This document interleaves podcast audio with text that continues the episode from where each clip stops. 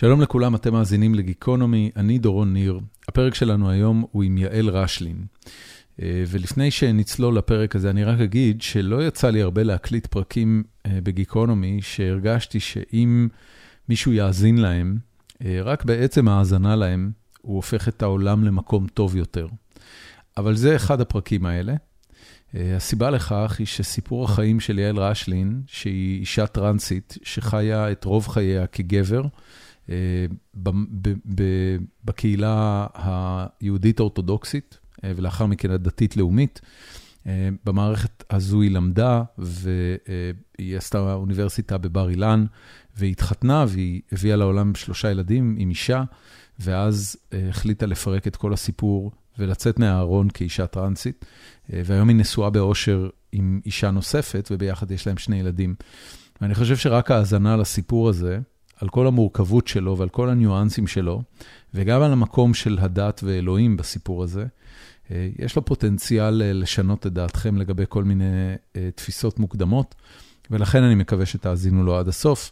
שתהיה לכם האזנה נעימה, פרק 595 עם יעל רשלין.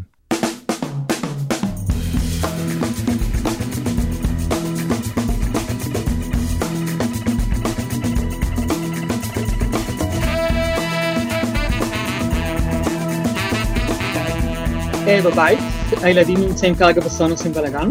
אוקיי, זה קצת שעת השכבות, לא? אני לא קצת מחרבן לכם את הערב? לא, אילי כבר נרדם, וירדן הוא היחידי כרגע שנמצא בסון ועושה בלאגן, אז הדר כרגע תרדים אותו, זה יהיה בסדר. הבנתי. איך, כמה את שמחה שאוגוסט תכף נגמר? וואו, מיליארד, מיליארד. אני פשוט, יש לנו, יש לנו, זה אוגוסט נורא, כי גם אנחנו נמצאות כרגע באמצע שהוא קמפיין תקשורתי מאוד מאוד מפורסם, בגלל שבצור הדסה כרגע הוציאו לנו את כל הגנים של החינוך המיוחד מצור הדסה. כן.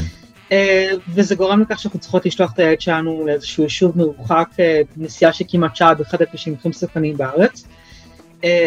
אז כאילו יצאנו החוצה לתקשורת, היה לנו כתבה שעלתה בוויינט לפני שבוע, דיברנו בקרן נויבך, אתמול, שלשום יותר נכון, הייתה כתבה גם כן על היישוב שלנו בישראל היום. תני לי רק למאזיננו שלא בקיאים בפרטים ולא עוקבים אחריכם ברשתות חברתיות, מה בדיוק הסיפור? לכם יש ילדים יותר מאחד או רק אחד עם צרכים מיוחדים? אז ככה, יש לי חמישה ילדים, שלוש מנישואים קודמים, שתיים מנישואים האלה. הילד הבכור שלי כמנישואים האלה, יש לו אוטיזם. אוקיי. מתי הוא אובחן? והוא צריך גם תקשורת. הוא אובחן כשהוא היה בגיל שנה ושמונה חודשים בערך. אוקיי. עד עכשיו, כי עבדתי בירושלים, אז הייתי לוקחת אותו איתי, היה שם גן בית הילדים שזה מקום מדהים. פשוט הוא היה ממש לידי בעבודה והכל, והכל היה בסדר וכל היה תקין.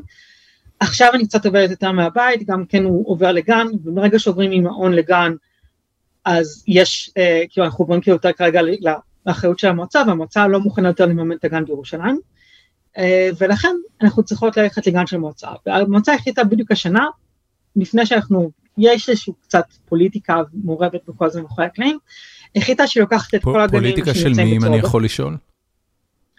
של המועצה, כי מה שקורה זה שצור הדסה היא יישוב, היא נחשב כאילו ליישוב שנמצא, שהיא לא מועצה הכי גדול בארץ, יש לנו 11,000 תושבים, אנחנו עדיין חלק ממועצה, כאילו חלק ממטה יהודה, ומה שקורה זה שאנחנו אמורים מתישהו לצאת ממטה יהודה ולהפוך למועצה בפני עצמה, ומטה יהודה לא אוהבים את הרעיון, כאילו הם רוצים להעיף אותנו, אבל הם רוצים כמה שפחות בנפיץ להוציא, כאילו, כמה שפחות דברים ששייכים למטה יהודה שיהיו כאילו, שיהיו באחריות שלנו, אז הם החליטו פשוט להוציא במכה אחת את כל הגנים שהיו בצור הדסה, ולהוציא אותם לגנים, ש... כאילו למקומות שנמצאים במטה יהודה. כדי שאם היא תהיה פרידה בין המועצות, אז המועצה של צור הדסה לא תיקח איתה את החינוך המיוחד? בדיוק. ולכם יש גן שאתם יכולים לשלוח את הילד שלכם במטה יהודה עכשיו? זאת אומרת, הם נתנו לכם מקום חלופי? יש מקום, זה נקרא, זה רחוק ממרחק של משהו כמו 30 קילומטר, וכל בוקר הנסיעה עם הפקקים והכל זה יכול לקחת שעה, וזה אחד הכבישים הכי מסוכנים בארץ, זה כביש 375 אם אני זוכרת נכון, יש שם מלא מלא תאונות, זה כביש שהוא חד נתיבי, מפותל מאוד, אין שם תאורה, ובגלל שבחורף לילה יוצא כי הוא יורד די מוקדם, אז אין שם בכלל תאורה, יש שם ערפל, זה כביש שהוא נורא מועד לפורענות, ואנחנו... כשאת אומרת מועד לא לפורענות, את מתכוונת לפיגועי טרור, לא לתאונות דרכים חלילה. לא, לא, לא, צור הדסה זה חלק, כאילו אנחנו בתוך הקו הירוק, אנחנו לא נמצאות מחוץ לקו הירוק. אז המועד לפורענות הוא אה, תאונות דרכים? תאונות דרכים. הבנתי, אוקיי, אוקיי. אה, זה כביש נורא מסוכן, תמיד יש שם תאונות, תמיד יש שם משאיות, תמיד יש את החכמולוג שמנסה לעקוף כאילו, ויוצא איזושהי תאונה כתוצאה מכך. הבנתי. אה, זה כביש שהוא לא טוב לילדים, ואנחנו עוד יותר מפחדות פשוט לשלוח עם אה, הסעות. חוץ מזה שילדים מחינוך מיוחד לא צריכים למצוא שעה כל בוקר כדי להגיע לגנים שלהם. כן. כמה הייתה הנסיעה כשהגן הזה היה בצור הדסה? ארבע דקות, זה היה בבית, אוקיי, זה היה קרוב. איך מנהלים בכלל מלחמה כזאת? זאת אומרת, את הלכת לתקשורת, אבל למה לא לפנות אה, קודם למועצה המקומית ולראות אם אפשר... ניסינו, פעלנו, דיברנו איתם, הפרענו לנו את הישיבות מועצה, עשינו הכל. באיזשהו שלב הבנו שזה כאילו, אין, אין כאילו יותר מה לעשות. מי, מי, מי, מי יושב ראש המועצה? מי הבן אדם שבסוף אה, אה, מסדר את כל הבלאגן הזה? שכחתי את השם המשפחה שלו, ניב, אני, אני צריכה לבדוק בגוגל. לא משנה, ואיתו לא דיברתם או כן. שכן דיברתם? דיברנו, יש לנו את הוואטסאפ שלו, אנחנו... נפנף אתכם. נפנף אותם. כן. וואו, אוקיי. טוב, יעל, אמ, אני, אני אתחיל את הפרק אה, בזה שאני לא מכיר אותך. זאת אומרת, זאת בעצם שיחתנו הראשונה, עבור מאזיננו, גם נגיד את זה, אני אמנם עוקב אה, אחרייך ואחרי רעייתך אה, ברשתות חברתיות כאלה ואחרות, טוויטר בעיקר. אבל אני לא מכיר אותך באופן אישי, ואני זוכר בפעם הראשונה שראיתי אה, פוסט שלך, אה, ואחרי זה נכנסתי לפרופיל וראיתי את ה, את ה, פשוט את התיאור, איך את מגדירה את עצמך בטוויטר, ב description, אה, נפלה לי הלסת. ואמרתי, אוקיי, מה, משהו מאוד מאוד מעניין קורה פה, ו, ולמה נפלה לי הלסת? אגב, אני אגיד לך למה נפלה לי הלסת. לא בגלל כל מה שכתוב שם, אלא בגלל כל מה שכתוב שם, פלוס התמונה האוהבת והמקסימה והמחבקת והמחייכת והחמה שלך ושל רעייתך. ו, ו, ובפוסט, סליחה, וב description שלך את מגדירה את עצמך אמ, אישה טרנסג'נדרית, ראשון, נכון. אה, יהודייה אורתודוקסית, שני, אם לחמישה שלישי, אה, ולאחר מכן אה, גיקית, חובבת Star Wars, DC Comics וגיימרית לפרקים. אני רוצה דווקא להתרכז בשלוש ההגדרות הראשונות ובסדר שבחרת להציג אותם, אמ, כי הוא נראה לי לא מקרי. אה, אני אתחיל מהבנאלי, למה יהודייה אורתודוקסית לפני אם לחמישה? אמ, כי זה, זה נושא שתמיד תמיד עולה כשרואים שיש לי כיסוי ראש, כי מנסים להבין בדיוק למה אה, אני טרנסית, ולמה אני מסתיים כיסוי ראש, והאם אני נשואה, ומה זה אומר, ולמה כי את לוקחת ומנכסת לעצמך דברים ששייכים בכלל לציבור האורתודוקסי, מה השייכות שלך לציבור האורתודוקסי, מה, מה הקיום שלך. כל הדברים האלה שאת מתארת לי עכשיו, אלה כולם שאלות שאנשים אה, שאלו אותך בפנייך או ברשתות חברתיות לאורך השנים האחרונות? נונסטופ, עדיין שואלים אותי את השאלה הזאת. כן, כי מה? כי מרגישים שבזה שאת אה, אישה טרנסית ויהודייה אורתודוקסית, את מנכסת לעצמך משהו שבעצם לא שייך לך? כן, איך, איך כאילו את יכולה להיות אורתודוקסית וגם טרנסית, זה לא נראה לך כאיזשהו משהו שסותר אחד את השני? כאילו, זה, זה, לא נראה, זה נראה לך הגיוני בכלל שאת אורתודוקסית? איך, איך את מגדירה את עצמך כבן אדם דתי, אם את טרנסית ואם את כאילו חוטאה ועושה את כל החטאים האלה בתור בן אדם טרנס? איך, איך, איך את... אה, אה, איפה נולדת? נולדתי בצרפת במקום. אוקיי, ומתי עלית לארץ? בגיל שלוש. בגיל שלוש. איפה כן. המשפחה התמקמה בעלייה הזאת? אה, התמקמנו במקור בגילו, בירושלים. אוקיי. ואת היית ילדה, ילד, בן שלוש. נכון. אה, למדתי בחינוך החרדי. אה, אוקיי. התחלתי כאילו בחינוך החרדי, הייתי בתלמודי התורה, הייתי אפילו שנה אחת בישיבה בבני ברק. עד איזה גיל? לאחר מכן, עד, עד 13 הייתי בישיבה, כאילו, עד גיל 12 הייתי בתלמוד תורה בגילו. אה, בין 12 ל-13 הייתי שנה אחת בישיבה בבני ברק, ולאחר מכן עד שסיימתי את התיכון שלי הייתי בישיבה תיכונית. המשפחה שלך הייתה חרדית עוד בצרפת? לא, אנחנו חזרנו בתשובה. אוקיי. בצרפת הייתם חילוניים לגמרי? חילוניים לגמרי, כן. מה, מה את יודעת על הטרנספורמציה הזאת שהמשפחה עברה? איך זה קרה? אני חושבת שזה היה בעקבות מלחמת אה, יום כיפור. אה, היה כאילו איזושהי הרגשה מסוימת שאיזשהו משהו, איזשהו נס קרה למרות כל הצבאות שבאו ותקפו את מדינת ישראל, פתאום כאילו הצלחנו איכשהו לשרוד את כל הדבר הזה, למרות שכאילו בארץ אני יודעת שכאילו תפסנו את זה בצורה אחרת לגמרי, אבל כאילו אני יודעת שבחו"ל, לפחות בצרפת, במקומות שבהם כאילו אני דיברתי איתם, זה היה כאילו כמו נס כזה, כאילו משהו שהוא לא יאומן שהצלחנו לשרוד את מה ששרדנו, וכי בסופו של דבר גם כבשנו עוד שטחים. מעניין. אמ, אז, כן, אז רגע, אני, אני רגע רוצה uh, לבדוק את הטיימליין. המשפחה, ש, המשפחה שלא הייתה uh, דתייה עד לא. uh, יום כיפור. Mm-hmm. Uh, אני מניח שמדובר באבא שלך ואימא שלך, וביום כיפור, כן. בעקבות הנס הגדול ש, שמדינת ישראל הצליחה להילחם נגד כל הצבאות ולנצח בסופו של דבר את המלחמה, למרות שאת יודעת, זה מצחיק, בתולדות מלחמות ישראל, יום כיפור נחשבת לגרועה במלחמות, אולי לא כולל לבנון, אבל אבל בוודאי לגרועה במלחמות מבחינת ההפתעה ו, אה, וכמות ההרוגים. את אומרת, בצרפת, בקרב אה, לא מעט אנשים, זה נתפס כנס. כנס, כן. וואו. היו שם כל מיני סיפורים, הטנק אחד מול מספר די עצום של טנקים עם ההוצאה בגולן, היה, היו המון המון סיפורי גבורה כאלה, וזה יצר רושם מאוד גדול על די הרבה קהילות בצרפת, וכאילו כי בעקבות כך אימא שלי החליטה לשלוח את אחי הגדול ואחותי הגדולה פה לארץ. אה, אחי הגדול למד בימינורד, אה, ולאט לאט אימא שלי התקרבה לאט לאט לדת, אה, התחלנו כזה, הם התחילו, אני נולדתי ב-79 אז עדיין לא, אבל לאט לאט התחילו להקים פחות או יותר, כאילו להיות מחוברים יותר ויותר למדינה, עד שהחליטו פשוט בשנת 82 לעלות לארץ. אוקיי. Okay. זאת אומרת, ב-73 התחילה ההתחזקות, את כבר נולדת לתוך התהליך הזה, למשפחה שהיא אה, באופן מעשי דתייה, ואז ב-82... לא, לא. אה, היא לא הייתה דתייה, היא הייתה יותר ציונית כשהייתי קטנה, בוא נקרא לזה ככה. מה זה אומר? הדליקו אור בשבת, לא הדליקו אור בשבת, איפה עובר קו פרשת המים? אה, אני לא זוכרת אם הדליקו, כאילו עליתי ארץ בגיל שלוש, אז אני, אני לא זוכרת אם הדליקו אור בשבת או לא. אני יודעת שכשהגענו לארץ ונכנסתי את המותורה, כבר היינו, היינו כבר די כאילו דתיים סלש חרדים. אוקיי. Okay. זה כבר היה כאילו. אבל היה איזשהו שלב שכשעלינו לארץ הייתי בגן מעורב, אני זוכרת, ואז באיזשהו שלב פשוט עברתי לגן כאילו נפרד חרדי בזה, בבתי מותורה. את הילדות ואת גיל ההתבגרות, את בעצם אומרת, אה, כולל נישואים, כולל ילדים, את עברת mm-hmm. כגבר. נכון. באיזה גיל עשית את המהלך?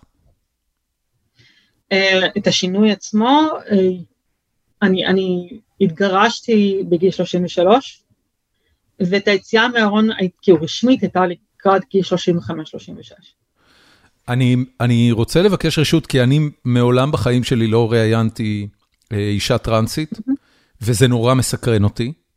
אז אני, זה בסדר אם אני אשאל שאלות על התהליך אה, לכל כן. אורכו? יופי, תודה. כן. אז את אומרת, בגיל 35 אה, יצאת מהארון והטרנספורמציה למעשה הושלמה, הגולם הפך לפרפר. Mm. אבל נכון. באיזה גיל מבחינתך אה, התחלת לחשוב על זה שמשהו בך אה, לא, לא יודע מה, לא, לא, לא מתיישר עם הקונבנציות של מה זה גבר ואיך הוא אמור להרגיש לגבי הגבריות שלו? אני חושבת שכשהייתי בת ארבע וחצי חמש, כבר כאילו אז הרגשתי שמשהו בי לא תקין, לגבי, במיוחד כשאני נמצאת בחינוך החרדי, וכאילו נשים הולכות לכיוון, כאילו בנות הולכות לכיוון אחד, בנים הולכים לכיוון השני, אה, מהרגע שהיה בו את, ה, את ההפרדה בין בנות לבנים, מהרגע... מה זה אומר, רצית להיות מה, עם מהרגע... הבנות?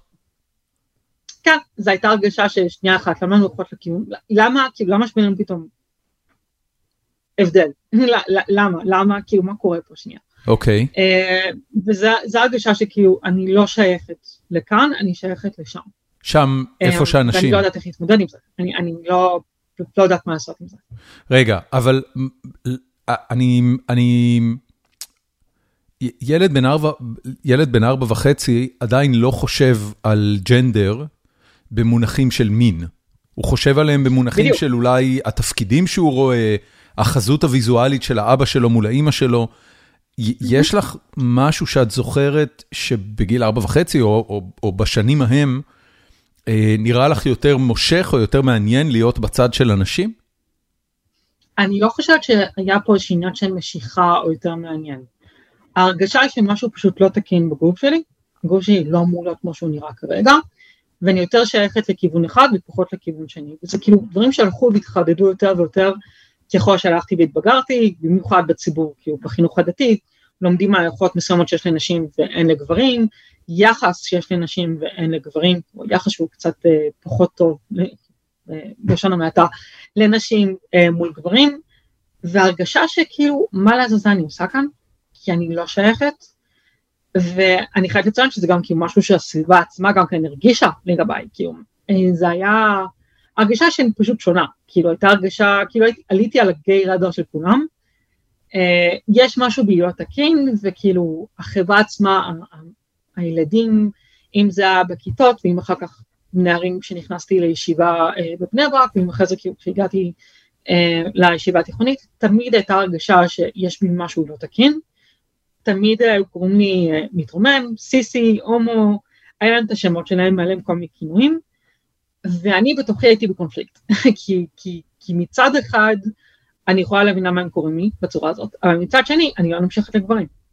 אני לא רואה את עצמי עם גברים בכלל, ואני לא מבינה כי אני ממשיכה לגברים, אני נמשכת לנשים בצורה שהיא שונה לגמרי ממה שאני חושבת שגברים סביב תראו את המשיכה שלנו גברים, וזה מאוד מאוד כאילו בלבל אותי, כי, כי אז כשאני נכנסת לגילאים שקצת יותר מתקדמים, וכל אחד כאילו משוויץ בפתקאות המיניות שלו, ואני לא יודעת מה, ואני יושבת שם, ואני כאילו, are you for real? כאילו, את באמת, כאילו, אתם מדברים על זה באמת? כאילו, זה לא נשמע פתטי מה שאתם אומרים כרגע, כאילו, באמת זה לא מצחיק אתכם, זה כזה, זה פשוט אידיוטי מה שאתם אומרים כרגע, ואני לא מזדהה, אני כאילו פשוט לא מזדהה עם הדברים האלה, אני כאילו מרגישה חייזרית, אני מרגישה פשוט מוזרה, והם יודעים שאני חייזרית, זה העניין, כאילו עשו עליי הרבה חרמות, הייתי מאוד מאוד מנודה, אה, נשרתי באמצע כיתה י"א, אה, הייתי מגיעה פה ושם מכיתה י"ב, קראו לי התיירת, לא סיימתי בגרויות בכלל. אוקיי. אה, אני מהנדסת תכונה, אז כאילו, כן. יש פה איזושהי קפיצה בסרט. תכף נדבר גם על זה.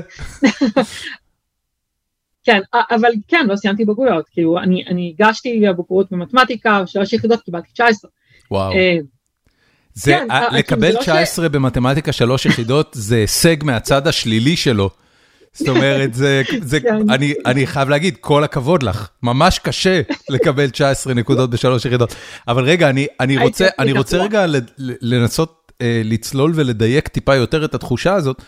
לא רק שאת מרגישה שמשהו לא בסדר בך, ושהגוף שלך או, או, או מי שאת אמור להיות אחרת, החברה, לפי מה שאת מתארת, אפילו לא יודעת איך להתייחס לזה. זאת אומרת, הביטויים גיי וסיסי וכולי, אלה ביטויים לגבר נשי אה, שנמשך לגברים, ואת אומרת, אה, אני לא נמשכתי לגברים, אני המשכתי לא לנשים, לא לי, אבל בצורה לא אחרת. לא היה לי מניירות, לא היה לי מניירות נשיות. אני, אני לא כאילו, אני חושבת שבזמן שכולם מסביבי, הקול שלהם הלך ונהיה כי פתאום יותר ויותר נמוך, הקול שלי נשאר גבוה יחסית. אה, והייתי שונה, כאילו, אני, אני לא חושבת שהיה לי מניירות נשיות, כאילו, לא דיברתי בצורה נשית, אבל כן היה בי משהו שונה. האם, כן, האם דיברת עם מישהו על זה? האם דיברת עם, עם רב כלשהו, אפילו עם ההורים? כאילו, איך, אה, איך, איך מתמודדים עם התחושה הזאת? אמ, זה יותר כאילו לשאול חברים לגבי האם כאילו מצבים כאלה קיימים, זה יותר חברים שלי לא מהבית ספר, זה חברים כאילו באיזשהו שלב כאילו, טוב אני גיקית, אה, היה לי את הקבוצה שלי במבחנים דרקונים באותו זמן, כשהיו את הקבוצות, בירושלים? הקבוצות בירושלים, היה את הקבוצה האדומה, כל הקבוצות הישנות שם מבחנים דרקונים אה, גרסה 2. וכאילו, רגע, אבל, אבל מה, זה, מה זה את הקופסה האדומה? את, את נולדת ב-79, את מדברת על, על השחרור מחדש של הקופסה האדומה. אני חושבת שזה התחיל מהקופסה הלבנה. הבנתי, אוקיי. זו הגרסה הראשונה. אוקיי. קופסה אדומה זה עם הציור הגדול של לארי אלמו. כן, יש לי אותו פה מאחורה. זה מהמם. כן, אבל, אבל אני, אני, אני שיחקתי את הקופסה האדומה המקורית, אה, Dungeons and Dragons, זה לא Advanced Dungeons and Dragons, שיצא רק בשלב יותר מאוחר, אנחנו שיחקנו את הגרסה המקורית, לדעתי זה היה 80, בין 82 ל-85. אה, זה, mm-hmm. זה, זה בעיקרון יצא עוד לפני זה, זאת אומרת לקח זמן עד שאז דברים הגיעו מארצות הברית, אבל את הקופסה האדומה בהוצאה המחודשת שלה, למאזיננו, אגב אני אגיד, אה, מבוכים ודרקונים המקורי, יצא בקופסה אדומה, לכן אנחנו קוראים לזה הקופסה האדומה, זה היה חוברות, זה אפילו עוד לא היה נכון. ספרים. אה, אלה שהם אה, גיקים של התחום כמונו, אה, מתרגשים מהעניין הזה כאילו מדובר ב... לא יודע, בהדפסה הראשונה של... אה, של ספר תורה, לא משנה, אבל, אבל זה שוחרר מחדש לדעתי לפני שלוש או ארבע שנים, משהו כזה. מה, כאילו הקופסה האדומה פעם שוחררה בעברית? לא, לא בעברית, אני מדבר על ארה"ב. הם עשו רי-ריליס של הקופסה האדומה, אולי זה, אולי זה יותר... באמת, עם הציורים של אריה אלמור והכל? כן, כאילו, בוודאי. מה, את לא יודעת שזה יצא בגרסה מחודשת? לא, ומה, הם עדכנו את החוקים לגרסה 5? לא, הם השאירו את זה בדיוק אותו לא? דבר. זה לא AD&D. זה D&D okay, המקורי, זה... הקופסה האדומה, אני תכף יכול להביא את זה ולהראות לך, לא משנה, אבל but we digress, כמו שאומרים. אז, אז את שיחקת עם, עם חבר'ה D&D, שזה אגב, זה כבר לא לגמרי חרדי, זאת אומרת, המשפחה שלך כמשפחה חרדית כן הייתה ליברלית. אני זוכר בזמנו, כש, אפילו כשאני התחלתי לשחק D&D, ההורים שלי טיפה חששו מזה, כי היה בזמנו, בשנות ה-80, היו סיפורים על זה ש... היו אנשים בארצות הברית ששיחקו מבוכים ודרקונים, וה dungeon master אמר למישהו לרצוח את החבר שלו לקבוצה, אז הוא הלך ותקע בו סכין, וזה משחק שאנשים מתים בו. כן? זה הסרט עם תום הנקס. עם תום הנקס, סרט מאוד ידוע. באמת? וכמובן יש את, אה, כן כן, יש סרט עם תום הנקס, שכאילו, אה, אה, היה חלק מהגל הזה שפשוט נלחם נגד D&D. וזה כמובן משוקף בעונה האחרונה של Stranger Things. אוקיי, זה ברור. אה, אבל רגע, אז שיחקת בשנים האלה D&D, ועם החברים ששיחקת D&D זה היה חברים חילוניים? זה לא היה חרדים? זה היה חברים דתיים לאומיים. אה, אה, בוא נגיד שכאילו שאלתי קודם כל לגבי המשפחה, אז המשפחה לא קיבלה את זה בצורה טובה במקור. לא התחלתי בדיוק מ-D&D, התחלתי עם הצורים של כישוף שיצאו במקור של סטיב ג'קסון. שגם מצאו בוצעת אופוס, אם אני זוכרת נכון. כן.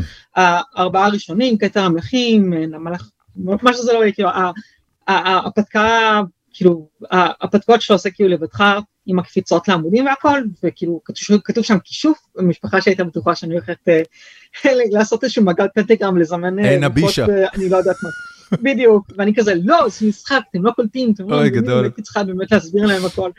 אה, כן, ממש ככה, אמ, ואני חייבת לציין שגם כן העיפו אותי מהישיבה אה, בבני ברק בגלל שהם מצאו אצלי בתיק, היו עושים חיטוטים בארונות אגב, אה, ומצאו אצלי בארון ספר של רומח הדרקון, אני זוכרת שזה הספר השני mm.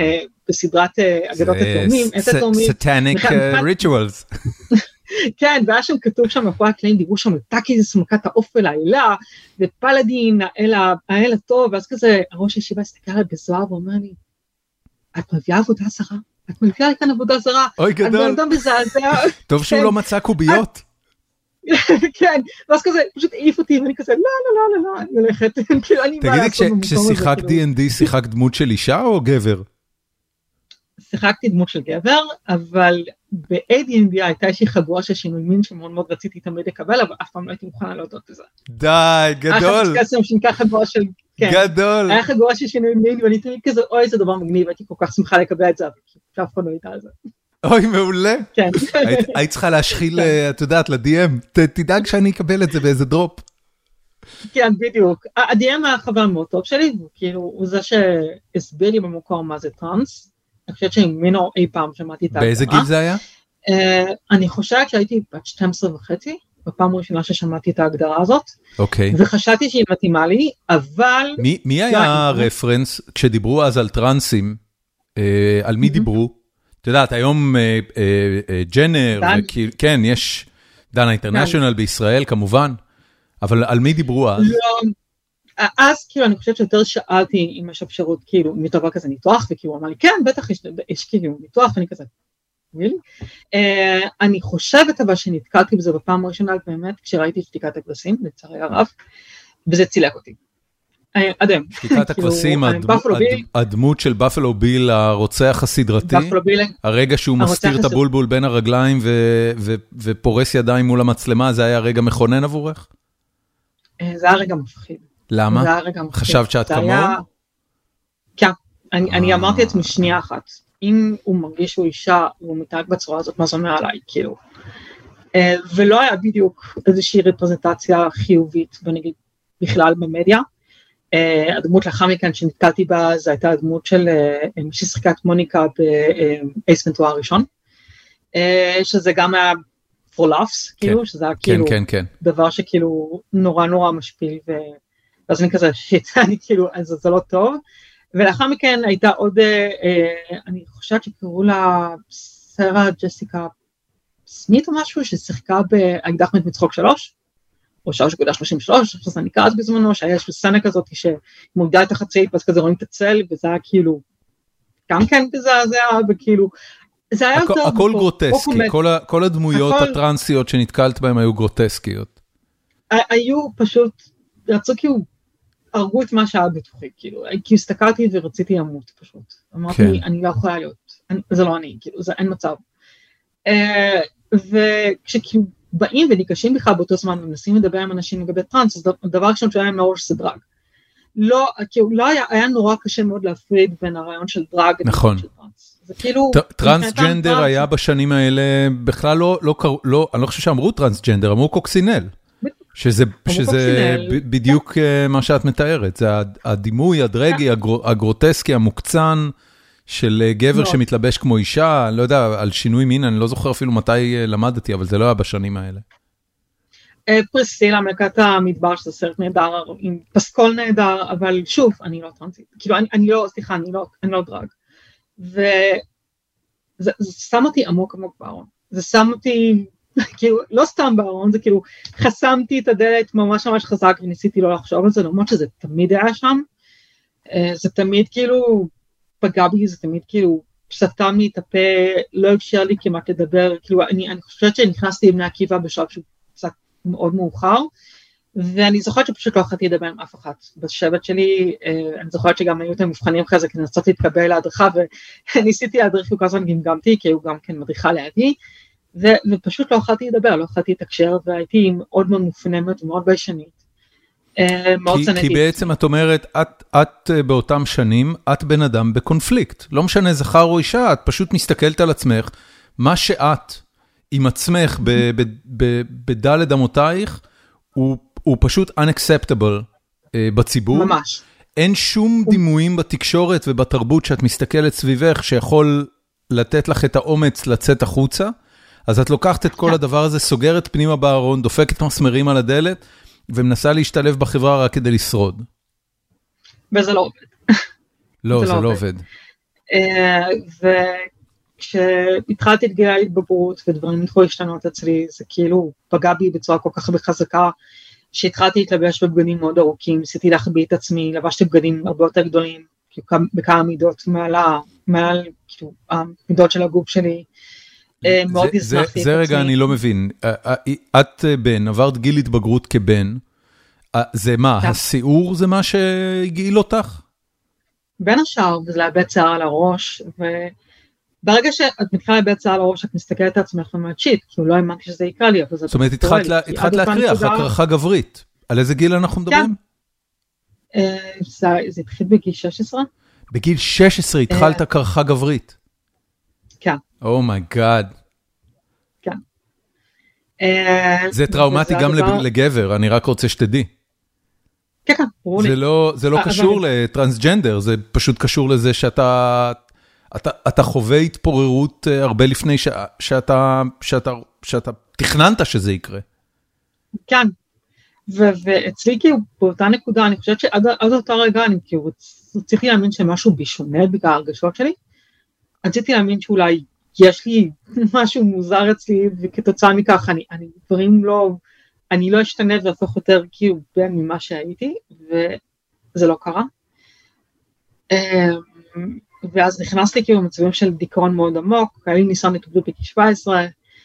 מה זה, מה זה, זה היה במבט לאחור, זה היה באמת רצית לסיים חיים, או שזה היה קריאה לעזרה? זה באמת רציתי לסיים את החיים שלי. לקחתי את אוקיי. כל הכדורים שהיו לי בבית, אמרתי, אני לא יכולה לחיות בצורה הזאת יותר. ואיך אה, ניצלת מזה? אה, שלושה ימים של הקאות, כאבי בטן, חום גבוה. לא אשפוז, לא גילו אותך, אה, זאת אומרת, זה היה את עם עצמך. כן. המשפחה ידעה מזה? אני מתנצל אגב על הכלבה הנובחת. זה בסדר. כל, כל שליח ש... כל שליח שמתקרב לבית עם חבילה מקבל את הקבלת פנים הזאת, ואני תמיד נורא נבוך מזה. בסדר, אצלנו זה הילדים קטנים שכל הזמן אה, צועקים ברגע שהדלת, כאילו... אני חושב שהשליח היה יותר סבבה עם ילדים קטנים שצורכים לקראתו, אבל בסדר. כן. אמ, אוקיי, אז שלושה ימים, מה, לקחת את הכדורים, חיית עוד אצל ההורים באותה תקופה? אפשר להגיד, כן. אה, חייתי בבית שאימא שלי, זה לא בדיוק בית, זה היה כאילו דירת חדר שהיה לה, אימא שלי התחתנה מחדש, הם התגרשו כשהייתי בת שמונה, התחתנה מחדש, ובאיזשהו שלב הרגשתי קשיים להמשיך ולחיות כאילו בבית שם איפה שהם יכולו לחיות, והיה לה כאילו דירת חדר בגילו, והרגשתי כאילו צורך פשוט לחזור, כאילו את חברים שלי עם אנשים שבאמת כאילו פחות או יותר הסתדרתי איתם, ופשוט הלכתי לגור שם. נשמע אה, סביבה משפחתית סוערת, אני חייב להגיד. אה, אני חושבת שזה היה יותר קל לי, אה, כי באותו זמן התלבשתי, בבגדי נשים שיכולתי. בגיל 17. אה, גם לפני זה, אוקיי. זה כאילו משהו שתמיד ליווה אותי. אה, והיה לי הרבה יותר קל כשהייתי יכולה לעשות את זה בבית בשקט. איזה בגדי נשים אהבת באותם שנים? זה היה היה. מכנסיים צמודים או שמלות? כאילו מה היה... לא, פשוט כאילו דברים שהצלחתי כאילו לקחת מאמא שלי שהיא לא שמה לב. לא, לא היה בכלל כאילו מחשבה על דברים צמודים, כאילו, המחשבה הייתה יותר לעבור, המחשבה הייתה כאילו יותר ללכת שנייה החוצה לרחוב, לעשות סיבוב, וכאילו שאף אחד לא יתייחס אליי בצורה שונה. הבנתי. אה, זאת אומרת, לבחון, זאת הייתה- לבחון את הזהות שלך בכסות אישה. כן, בדיוק. וזה הרגיש נכון. עשית את זה? זה הרגיש נורא נכון, כן. עשיתי. מה מה עשית עם השיער? אה, מצאתי פאה של אמא שלי. אוקיי. זה, את יודעת, זה, מגניב, כי את אומרת, חייתם, אורח חיים של חרדי, אז היו פאות בסביבה. אני חושב על עצמי, כן. אם הייתי בגיל 17 רוצה ל, ללבוש בגדי אישה, אז לא היה לי מאיפה, אין לי, לא היה לי פאות בבית, זה לא היה כאילו, כן. כולם הסתובבו כמו שהם. מגניב. אה, כן, ממש ככה. אה, וכשהתגברתי, כאילו כשנהייתי יותר מבוגרת אז היה יותר בבית, אף פעם לא יצאתי החוצה כבר, כי היה קשה יותר כאילו עם השינויים, וזה משהו תגידי, אני, שכאילו... אה, יעל, אני, סליחה שאני עוצר אותך, אבל אני רגע רוצה אה, לשאול משהו. אני מקשיב לך מדברת על העניין הזה של להתלבש בבגדי אישה ולשים את הפאה ולצאת לרחוב, אה, שזה עניין מאוד, אה, מאוד חרדי. האישה כן. יוצאת לרחוב אה, בתחפושת, שתפקידה במידה רבה להסתיר את היותה אישה, אבל היא מאוד מובחנת. היא, ס- היא, היא, סוג של דרג, בתכלס. ב, בגרסה מאוד שונה וקיצונית שלו. אבל יכול להיות שזה מה שמש... כאילו זה היה אחד הדברים שקסמו לך בחלוקה לא. הזאת? זה לא זה. לא, לא, אני, אני חושבת שלהבדיל כאילו כל הרעיון של דרג, הרעיון היה לא בתור פרפורמנס או למשוך תשומת לב בכלל, כאילו זה בדיוק ההפך. הבנתי. לא למשוך תשומת לב. אוקיי. זה היה מה שנקרא סטלף, ממש כאילו היה רעיון של סטלף וזה משהו שאני ממש רציתי, סטלף, כלומר התגנבות, להעלים את עצמך בסביבה, לה- להיטמע בציבור? כן.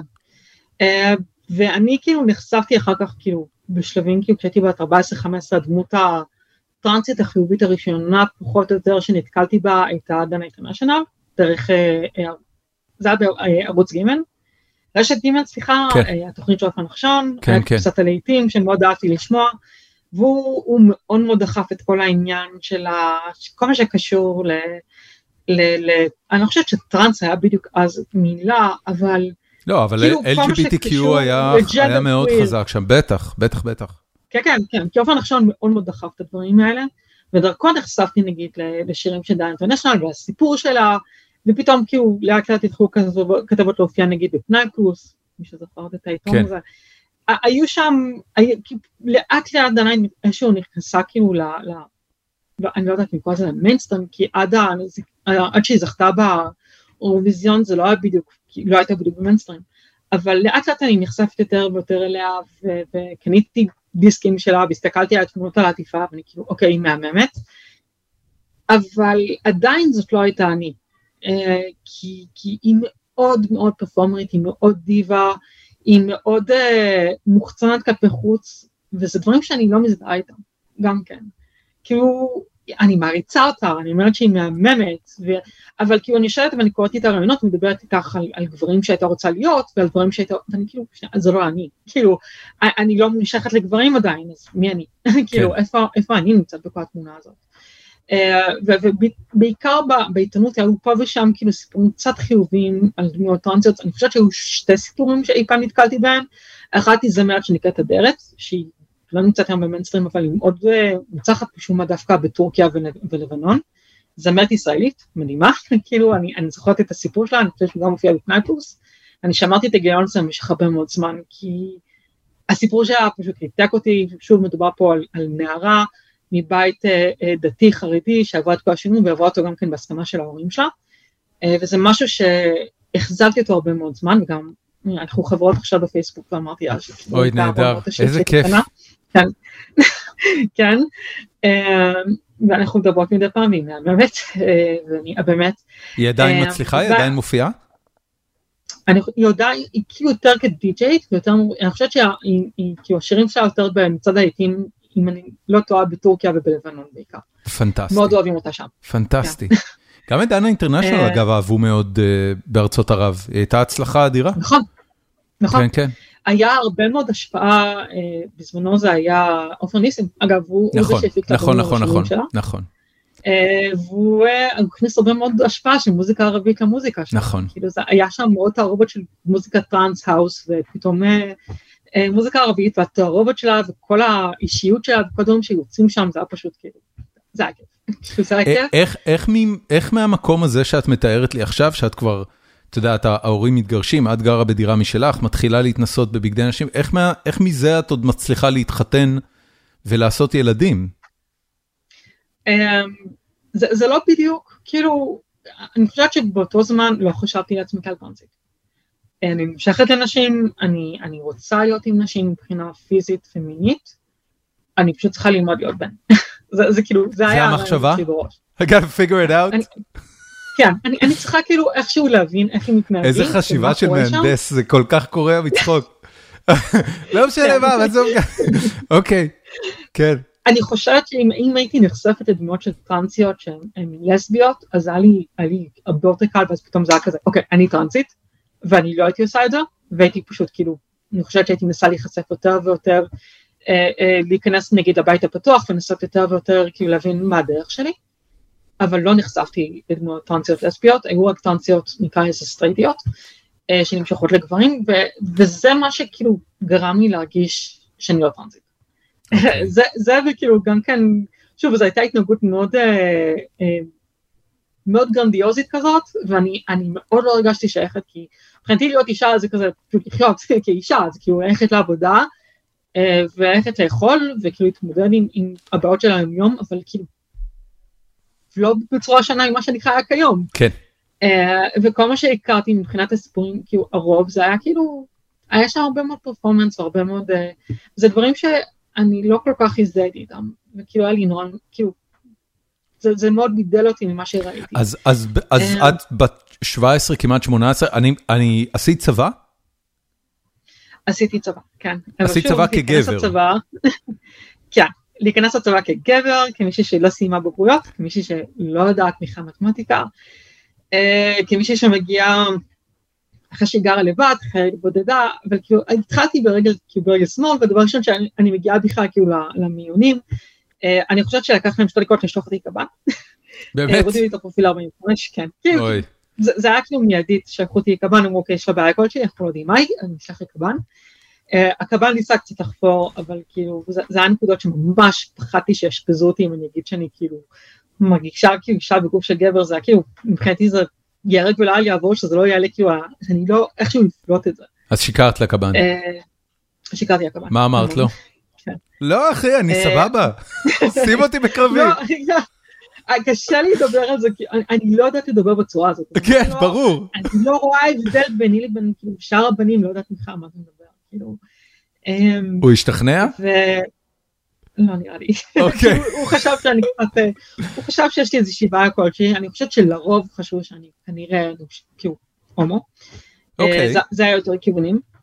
אה, ואז כאילו בנקודה הזאת כבר כאילו לא בדיוק נותנים לך כאילו המון המון תפקידים טובים בצבא, זה היה כי או שתהיה אפסנאית או שתחיה רבנות. וזה היה לרבנות, בגלל. הרקע החרדי, בגלל הרקע החרדי דתי. לרבנות הצבאית. את רוצה? כן, תחייתי עם מש"קית דת.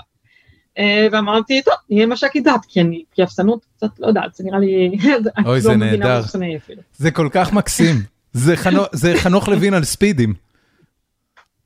לגמרי. כן. כשאני חושבת על זה שאני היום מהנדסת תוכנה, ואני כאילו, כאילו, אם הייתי בעולם אחר לגמרי והייתי יוצאת מהארון והייתי חיה את החיים שלי, כמו שאני חושבת שכל כך, כאילו היום נערות עושות את זה, כאילו, חיות את החיים שלהם, והם יכולים כאילו להמשיך הלאה, ואין להם את כל הקשיים שאני עברתי, הי- לא, אין מצב שהייתי, כאילו שבצבא היו שולחים אותי למקומות שכאילו, כן, שלחו אותי, אבל כן, כאילו כן, התחלתי כן. ממש הכל ברגל שמאל, כאילו אני, אני פשוט התחלתי את החיים שלי ברגל הכי שמאלית שיכולה להיות, כאילו אז כל הרקע שלי ה- פשוט היה לא טכני. הלכת לעשות קורס מש"קי דת והיית מש"ק דת בצבא? הייתי מש"קית דת בצבא, איפה שירתת? בצנחנים, בצנחנים? מה, הקפדת על הכשרות ובדקת שהטבח אה, אה, מקפיד על תרי"ג? מצוות, נוטל ידיים?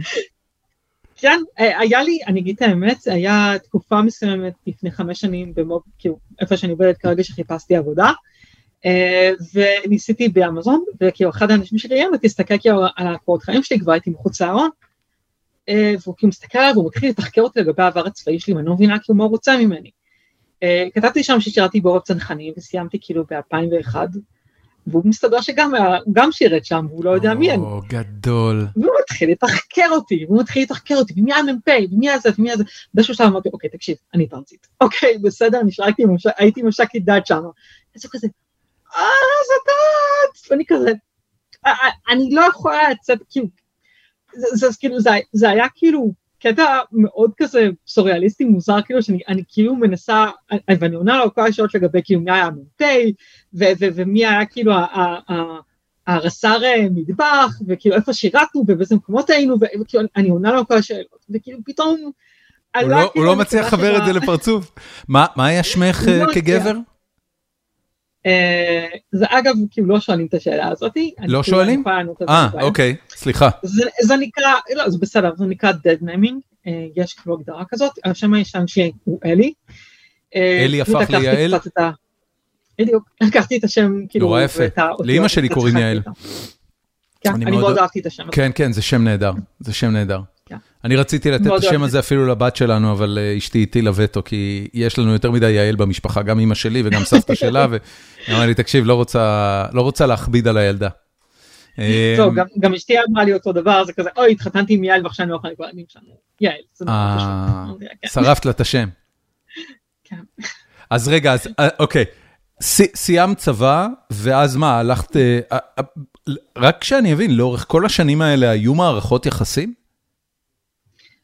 היו לי שתי מערכות יחסים. אה, עם- אחת עם מהן... נשים, מן הסתם. אה, אני עד היום בקשר עם אותם נשים, אנחנו חברות.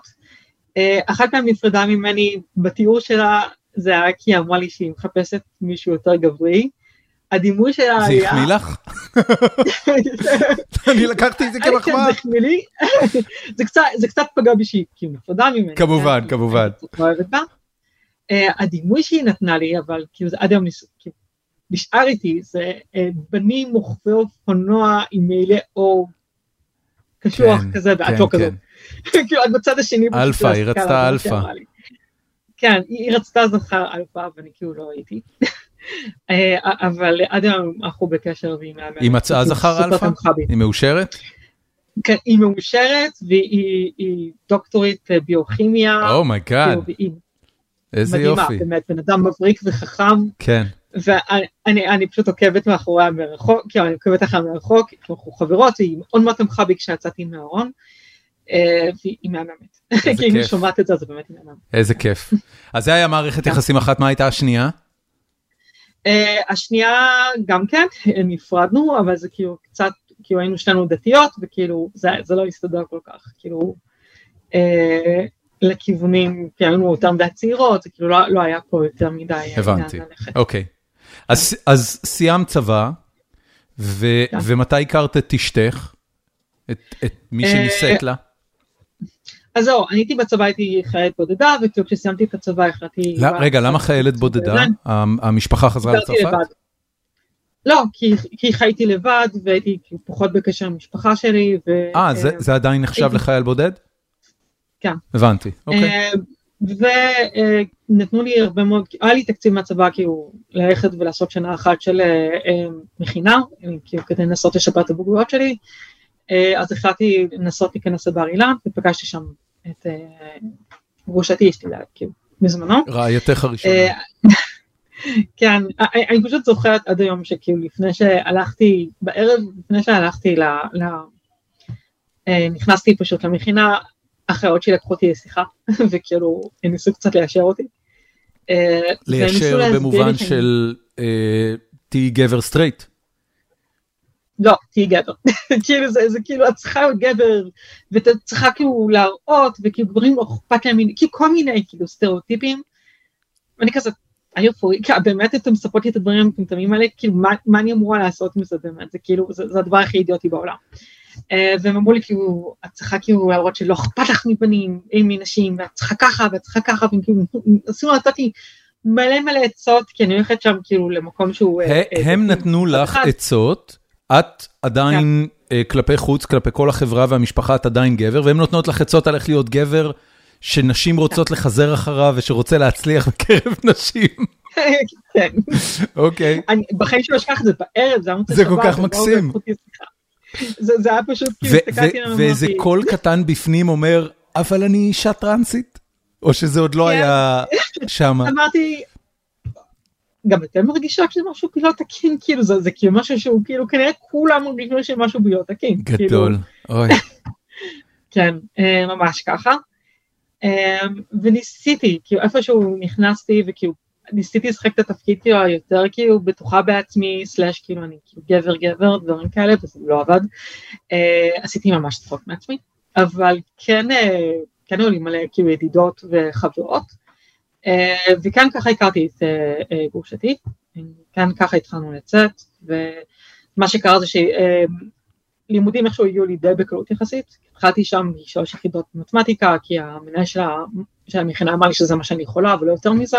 כן, הוא ראה את ה-19, תקשיבי, הוא אמר, אוקיי, כזה עוד לא ראיתי. כן, הוא פשוט לא האמין בי, אז פשוט הלכתי אחר כך ליחידות עוד פעם, ואמרתי להם שאני פשוט כאילו, הוא לא הסכים שאני אעלה לארבע יחידות, אז הלכתי אחר כך ליחידה והוצאתי כאילו עוד קורס בנפרד. בערב הייתי הולכת לאנקורי וסיימתי אחר כך ביחידות, קיבלתי שם 97.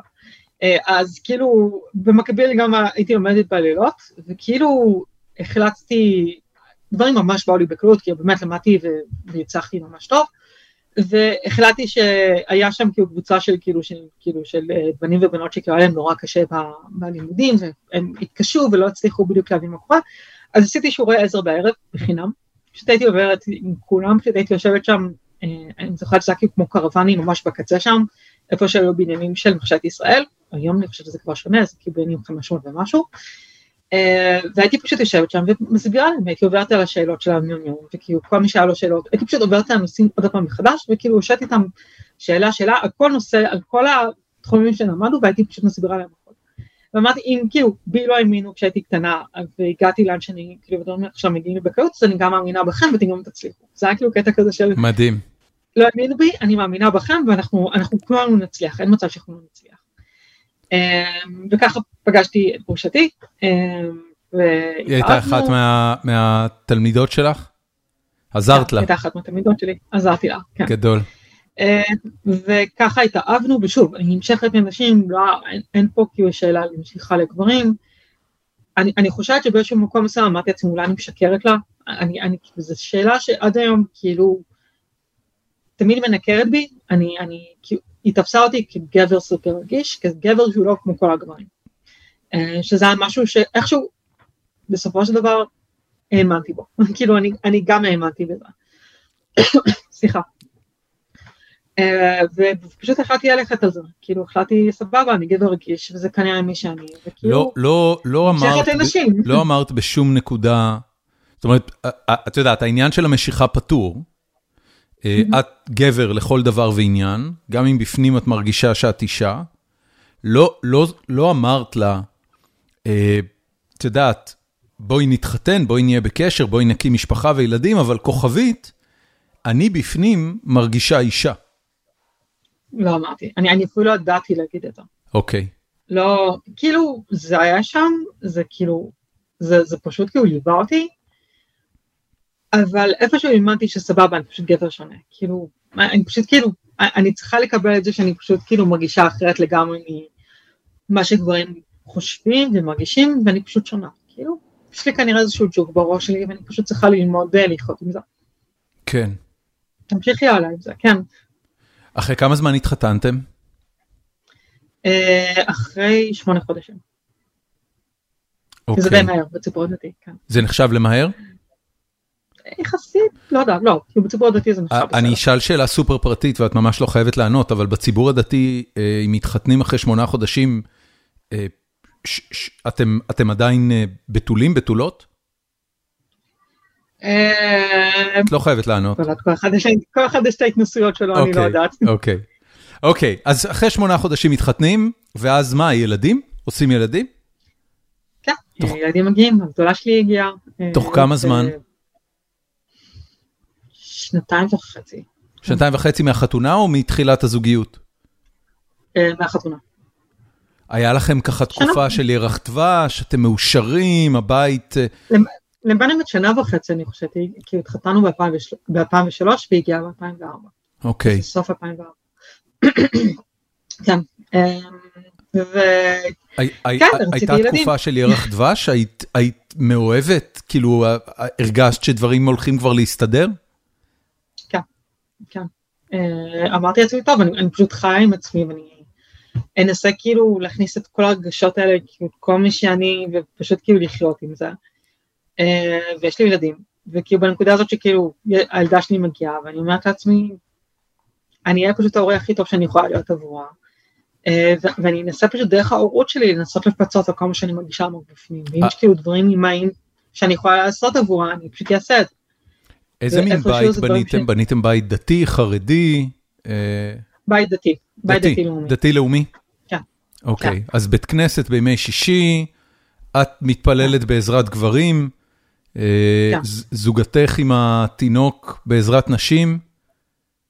התינוק גם היה אצלי, כאילו לא, כן. לא, לא הייתה לי, לא הייתה לי מודעות של כאילו איפה התינוק צריך להיות, כן, אפילו התפללתי אוקיי. לפעמים בחוץ כדי להיות איתו. אה, לא, לתפיסה עצמה היא שכאילו, הילדה שלי חלק ממני וכאילו היא לא הולכת לשום מקום חוץ כאילו בלעדיי, אני אפילו, הייתה רוב, כאילו רוב הזמן, אה, כאילו היה לי ברור שהיא צריכה להיות איתי, לא יודעת, זה כאילו, אם היא נכנסת לעזרת בנים אז היא תהיה איתי, ואם היא עושה רעש אז אני פשוט אתפלל בחוץ. כן. אני, כאילו אין פה, כן. ונולדו עוד ילדים, כמה שנים חלפו. ככה, את יודעת, בארצות הברית, אה, בתרבות האמריקאית, יש ביטוי שמבוסס על סדרת טלוויזיה שנקרא Ozzie and Harriet. Ozzie and Harriet זה מתוך סדרת טלוויזיה, וזה בעצם דימוי של זוג שלכאורה הכל נראה סבבה אצלו, והוא חי חיים אמריקאים בורגניים, פרבריים, מושלמים. אוזי אנד הריאט. אמ, אני חושבת שכשהילד שלי, ב-2007 זה היה שלוש שנים אחרי שהפרוע שלי נולדה, שפתאום פתאום התחלתי לשאול את עצמי, "האם- האם אני הולכת להיות אבא טוב? אה, האם אני יכולה להיות אבא? האם אני יכולה לתפקד כאבא? האם אני הולכת להרוס אותו כתוצאה מזה שאני לא יודעת להיות אבא? אה, למה הרגשת שאת לא יודעת להיות אבא? מה היה חסר באבהות שלך שגרם לך לחשוב שהיא לא מספיק טובה? פחדתי שאני פשוט לא אדע להעביר לו דברים, כישורי חיים שבנים צריכים לדעת, שאני אני פשוט לא יודעת להעביר אותם. מה? היום אני יודעת שזה פשוט היה חוסר ביטחון עצמי, אבל כן, אבל מה חשבת אז-? מה מה היה חסר בך כגבר? אה, חוץ מזה שהיית אישה טרנסית עמוק בפנים, אבל מה היה חסר בך כגבר שחששת שתפגעי בילד שלך? לא תפקדתי כגבר, כאילו אני, אני יותר שיחקתי משחק כגבר, פחדתי שאני, כתוצאה מזה שאני אני משחקת את הבן, אז לא, אני גם לא עושה עבודה כזאת טובה, אני אפגע בו. פחדתי שאני פשוט אהווה דוגמה מאוד מאוד רעה בשבילו, אה, וזה מאוד מאוד פגע לי בביטחון עצמי, ופגע, כי פתאום כל הדברים התחילו לעלות מחדש, ואני חושבת שזו הייתה הפעם הראשונה שיצרתי קשר עם הבית הפתוח בירושלים, כדי לנסות לחפש את זה. אה, התקשרתי אליהם ואמרתי היי, אני טרנסית, אני חושבת שאני טרנסית. אה, זה היה, אלה היו לשמוע." המילים המדויקות? אני חושבת שאני טרנסית? אוקיי. לא אמרתי אני חושבת, אמרתי אני חושב, אבל כאילו התחלתי לגשש, התחלתי לנסות להבין כאילו מי אני. הבית, הבית הפתוח, אני, לא, אני לא מכיר את המוסד הזה, אבל הבית הפתוח בירושלים הוא המקום הראשון שהיית ממליצה לאנשים ש, ש, שמבולבלים לגבי המגדר שלהם להרים טלפון ולהתייעץ עם מישהו? כן, כן. אוקיי, אה, יש את הקו הלבן גם כן, אה, אבל, אבל כאילו אם אפשר להגיע לבית הפתוח הזה בהחלט. אוקיי, יש להם יופי של תוכניות, אני, אני כאילו הרבה יותר היום ממה שהם היו אז. אה, וזו הפעם הראשונה שממש נכנסתי הביתה. במקום שהוא כאילו להט"בי, זו הפעם הראשונה שעשיתי צעד פיזי אה, כדי לנסות, כאילו לנסות להתמודד עם מי שאני. כאילו, הגעת לשם. לבושה כגבר? כן, כן, לא אוקיי. היה...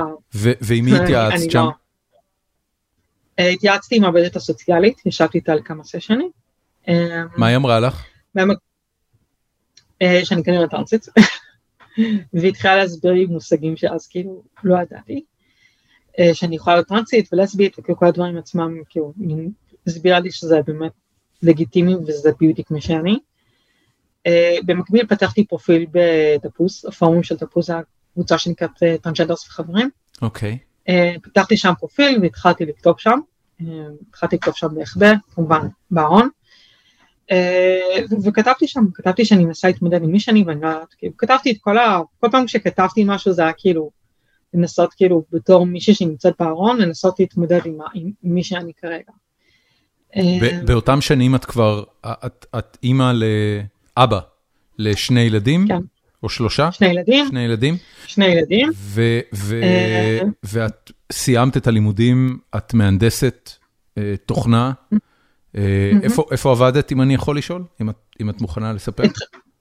כן כן, אה, התחלתי בשנתיים הראשונות עבדתי בעמותה באוניברסיטה העברית שנקראת סנונית, יש לה אתר גלים שזה אתר חינוכי. כן, אני. מכיר את צנונית, יופי של מיזם.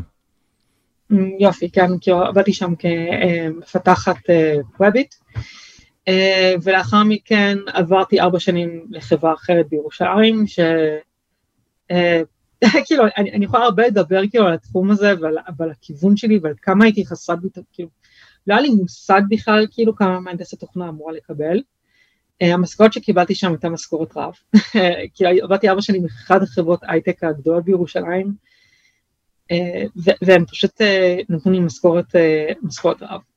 כאילו היה לי, הייתי חייב, כי זה מה שביקשת, או או כי הם זיהו וניצלו? הם זיהו וניצלו, אני הבנתי. ביקשתי, אני אגיד עכשיו את המשכורת שלי ואני באמצע, ביקשתי 8,000, כי לא הערכתי את עצמי בכלל, וכאילו המגייסת אמרה לי, מינימום שאנחנו נותנים פה זה 10,000, ואת הולכת לקבל 10,000 שקל, כשבדיעבד מפתחת עם שנתיים ניסיון אמורה לקבל פי שתיים. כן, כן, מינימום פי שתיים. ואני, ו- ואחר כך גיליתי גם כן שהמפתחים, כולם הצוותים היו גבוהים, כולם קיבלו פי שתיים וחצי ממה שאני קיבלתי. כן. את אומרת, העניין-. העניין של אה, זה שדופקים אותך בשכר הוא יותר ביטחון עצמי מאשר ג'נדר. זה גם ג'נדר וגם ביטחון עצמי, אני חושבת שזה כאילו די משולב אחד בשני. כן. אה, כי, כי אני חושבת שגם נשים מעריכות את עצמן פחות ממה שהן, וזה משהו שמקביל, כי, כי בסופו של דבר אני גם לא הערכתי את עצמי בכלל. אה, וזה היה עוד איזשהו סימן בדיעבד למשהו שכאילו בכלל לא היה תקין. אה, אז התחלת לכתוב בתפוז, אה, רק בשביל להתמקם על ציר הזמן, על איזה שנה פחות או יותר אנחנו מדברים? 2008 התחלתי לכתוב הפוסט. ואת היית כבר בת אה, 30, 31? או 29, לא. סליחה, כן, 29. 29, אוקיי. ואת נשואה ואימא לשני ילדים שהולכים וגדלים, ו- ואת כן. מתחילה כבר להבין שהתחושה הזאת לא תשתנה, שיחות עם אה, כן. הבית הפתוח, אה, כתיבה. בפורומים בתפוז. את, את לאט לאט מבשילה בך ההחלטה שאת הולכת אה, להפוך את החיים על הראש? זה, זה לא, לא, אפילו, אני חושבת שבנקודות שדברים כאילו עלו לי, כאילו שהיה לי הרגשה אולי שאני הולכת לצאת מהארון כי אני, אני לא יכולה אחרת, אני חושבת שלהיות הורה לילדים שלי היה הרבה יותר חשוב כאילו מלצאת לארון. Uh, אני חושבת שעד עד 2013, כשכאילו, אני חושבת שאז המועקה הייתה מאוד מאוד גדולה, וזה הגיע לסיטואציה שבה הרגשתי שאם אני לא אעשה משהו עם עצמי, אז אני, אני פשוט כנראה אני אמות, כי לא יודעת אם אני אתאבד, או... מה היה שגרם למועקה הזאת? העובדה שאני לא יכולה לדבר על זה. אוקיי, אוקיי. הקונפליקט הפנימי. העובדה, הקונפליקט הפנימי, זה הלך וכאילו... כן? את משקרת לאנשים הכי יקרים לך כל הזמן. כן, אני לא מפסיקה לשקר, ואני מרגישה רע עם זה. אני ממש מרגישה רע, ואני כאילו תמיד אומרת לעצמי, יש לי ילדים, יש לי אישה, אני, אני, אני, יש לי אחריות, אני צריכה ללכת עם האחריות שלי, אני צריכה ללכת לאחריות שלי. תגידי, את, את, את באותם שנים, סליחה רגע שאני קוטע, אבל את באותם שנים חיה אורח חיים דתי, אה, את מדברת על זה עם אלוהים? כן. אוקיי. לא, כל הזמן אני מדברת עם אלוהים. אוקיי. כל הזמן. בגיל 14 ישבתי וניסיתי לעשות שעת חלום איך לדעת כאילו איך להפוך לאישה, כאילו. ישבתי ויש שם בספר איזה המלאך איזשהו כל מיני מילים שצריך לכתוב אותם קלף ואז לגלגל את זה, לשים את זה מתחת לכרית כדי לעשות שעת חלום, ישבתי וקראתי ובאמת ניסיתי לעשות את זה כדי לנסות להבין איך אני יוצאת מהמצב שבו אני נמצאת. הדיבור עם אלוהים היה כל הזמן. כל הזמן. זאת אומרת, אלוהים, אני, אני מתחיל להבין למה את יכולה להגדיר את עצמך יהודייה אורתודוקסית, את בעצם אומרת מערכת היחסים שלך עם אלוהים, היא הפתוחה ביותר שהייתה לך לאורך כל התהליך הזה. הוא היחיד שאיתו דיברת שם. אה, חופשי. כן, כן. דיב, דיברת איתו אגב כגבר? אלוהים הוא גבר ב, ב, בעולם מושגים לא. שלך? הוא לא. מה הוא? לא, הוא לא. המיני? אין לו, אין לו אוקיי. מושג של מיניות. רב מיני. He's everything. כן, כן יש, אה, אומרים כאילו מודים אנחנו לך בקריאת אה, בתביעת העמידה, חלק מהזמן אנחנו מגדירים את השכינה כבלשון נקבה, חלק מהזמן בלשון זכר, יש הרבה מאוד uh, מושגים א-מיניים או, או רב מגדריים גם כאן בתוך היהדות. Uh, אף אחד uh, לא אוהב לדבר על זה, כן, אבל זה קיים. זה לא כיף. כן. זה, בוא, זה קצת כאילו... מחרב ל... כן. כן, כן, כאילו, כשבאים אליו ואומרים היהדות מכירה בשני מגדרים, אני כזה, are you kidding me? כאילו, באמת, היהדות מכירה לפחות בחמישה מגדרים, יש שם אה, זכר נקבה, טומטום אנדרוגינוס, ויש גם אישה עילונית, אה, אישה עילונית זה גם כן קיים. מה זה אישה עילונית? אה, סליחה על הבורות. היום היא מזוהה עם נשים שיש להן חוסר, חוסר רגישות לאנדרוגן, זה בעצם נשים שמבחינה כרומוזומית הם גברים בכל דבר. Okay. אוקיי. הכרומוזומים שלהם הם XY. Uh, יש הרבה מאוד סיפורים על כך, נשים שמגיעות לגיל 12 והן לא מקבלות מחסור והן הולכות ובודקות ואז אומרים אתם מבחינה כרומוזומית בנים, הדברים הפנימיים שלכם אה, למעשה זכירים, ומבחינה חיצונית אתם נשים, וממשיכות לאכול כנשים לכל דבר, זה נקרא אישה עילונית, יש לך חמישה סימנים, אה, כל הסימנים עצמם זהים לגמרי הסימנים של אה, נשים. לא, אני לא קלטתי את הביטוי, אישה עילונית? עילונית. עילונית? עילונית, עילונית, לא בטוחה אם זה עילונית או עילונית, אבל כן. אוקיי. ויש לה דינים משלה, והיא יכולה להתחתן, הגירושים שונים מגירושים של נשים רגילות. איך היא הרה, או שהיא לא יכולה להרות?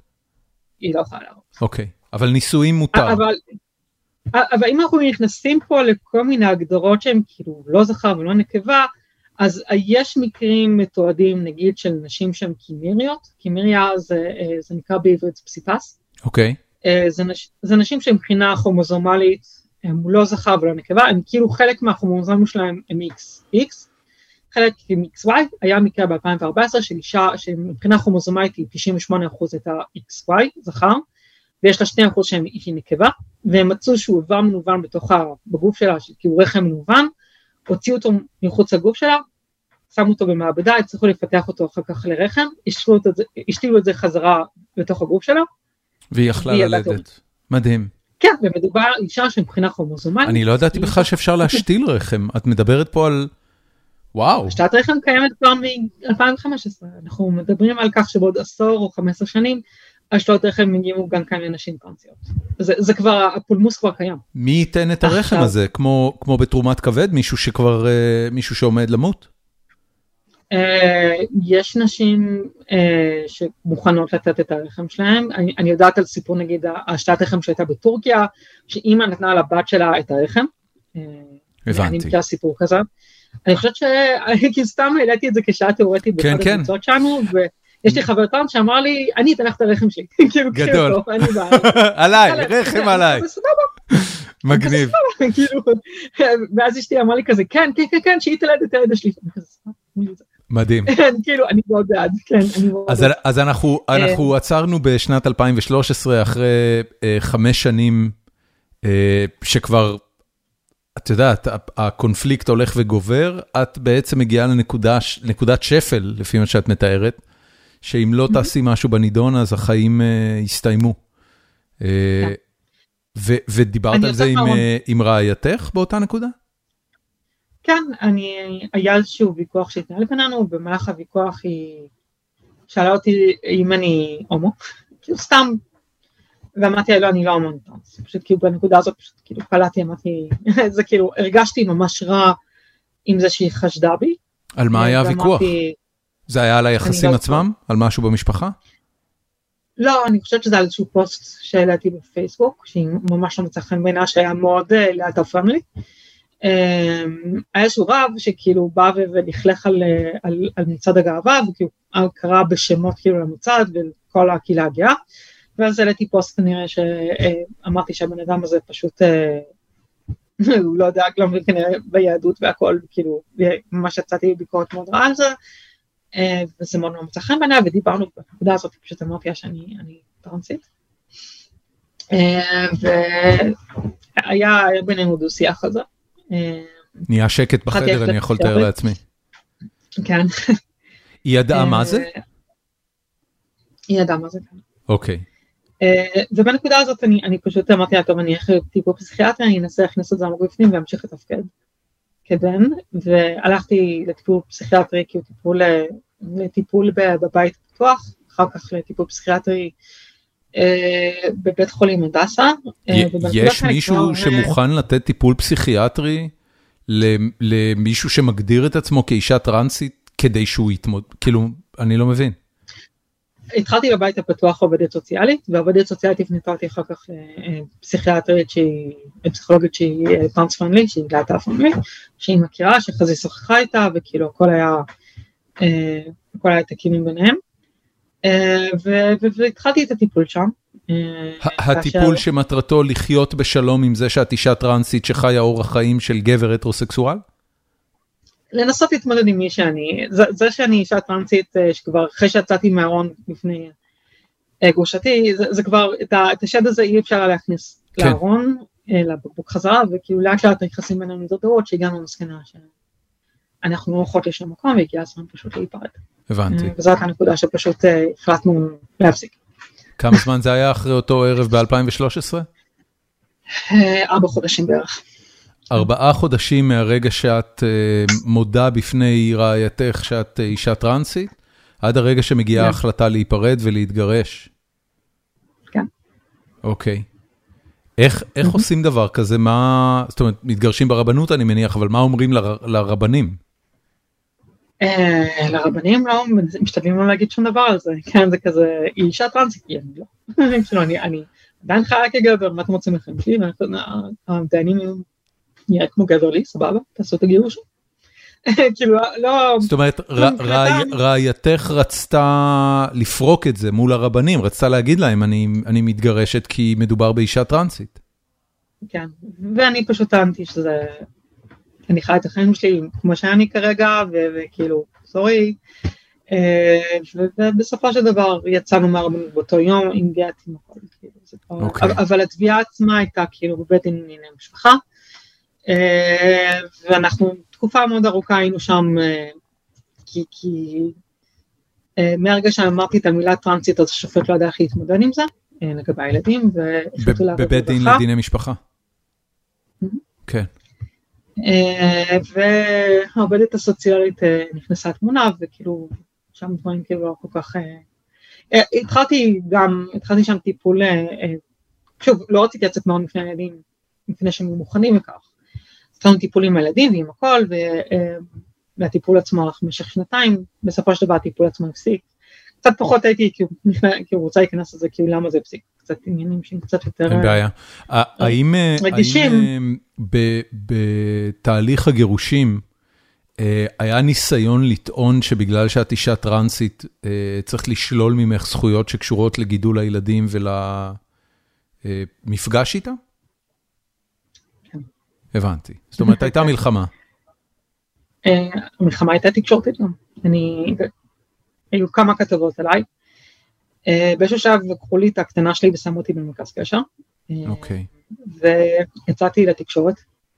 הייתה כתבה ענקית עליי, ועוד כמה אימהות טרנסיות שהסכימו, אבות טרנסים שהסכימו להתראיין בארץ, בגיליון של הארץ הזה, ובאיזשהו שלב, כשכל התקשורת עצמה התחילה להיכנס לתמונה והכל, וגם קרן נויבך, המהממת פשוט באה ופשוט החליטה כאילו שהיא רוצה להבין למה שמו אותי במרכז קשר.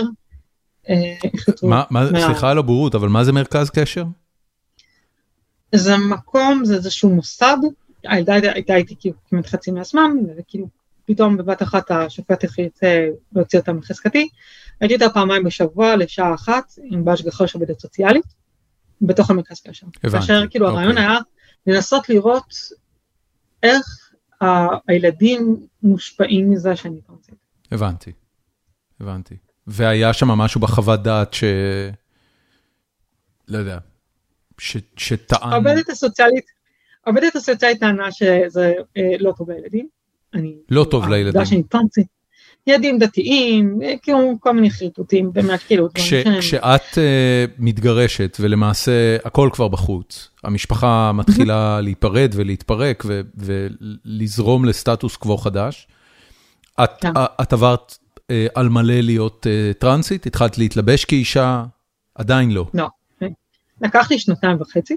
שנתיים כאשר... וחצי מהגירושים? כן, כאשר התחלתי לחיות אבל בארון, כאילו זה היה נכנסתי לקהילה הדתייה, כאילו קהילה גאה דתית, ושם התחלתי עם נראות שהיא גברית יחסית. לא, אני לא עוברת כגבר, מסתבר. אה, כן, כאילו זה גם כגבר כשאני הגעתי ביום הראשון שלי כבן אה, לאיזושהי אספה לאיזשהו כנס כזה של הקהילה הגאה הדתית, וכאילו ישבתי שם, היה איזשהו שלב שכאילו באתי ודיברתי כי לא היה ייצוג בכלל טרנסי בקהילה הדתית, כאילו זה היה הכנס הראשון שלי, וכאילו באתי ודיברתי ואמרתי תקשיבו, מה, כאילו יש פה אה, ייצוג ללסביות, יש כאן ייצוג להומואים, איפה הקהילה הטרנסית, מה קורה כאן, אה, ומסתבר בדיעבד, היום היו חברות אבל לא הכרתי שם אף אחד בכלל, שכאילו כל מיני חברות, ואת כל, שזה ארגון של לסביות דתיות, התלחששו שם מאחורה, אה, כאילו במושבים מאחוריי, ואמרו כזה, אוי, זה גבר טרנס, ומה זה לא עובר, הוא נראה זוועה, כאילו, לא, כאילו, הם חשבו שאני לא אישה טרנסית, הם חשבו שאני גבר טרנס, אבל שכאילו בתהליכים, כן, כן, כן. שלי גבוה, אני לא עושה את העבודה טוב. את יודעת, כאילו לא חבר גיי אמר לי פעם שבקרב האוכלוסייה ההומוסקסואלית, אה, יש בדיוק אותה כמות של דעות קדומות על מגוון רחב של נושאים, כמו בקרב האוכלוסייה ההטרוסקסואלית. זאת אומרת, זה לא משנה אם אתה גיי, אתה עדיין רוצה להתחתן עם מהנדס או רופא. ככה הוא אמר לי. זה לגמרי. ואמרתי, אוקיי, סבבה. זה איפה שאתה לא נמצא, אתה צריך לאכול את השיט הזה. זה נכון.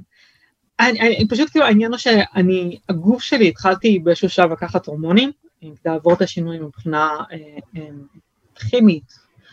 אה, פיזיולוגית, להצמיח חזה וכל העניינים כן. של השיעור הגברי להיפטר מהם?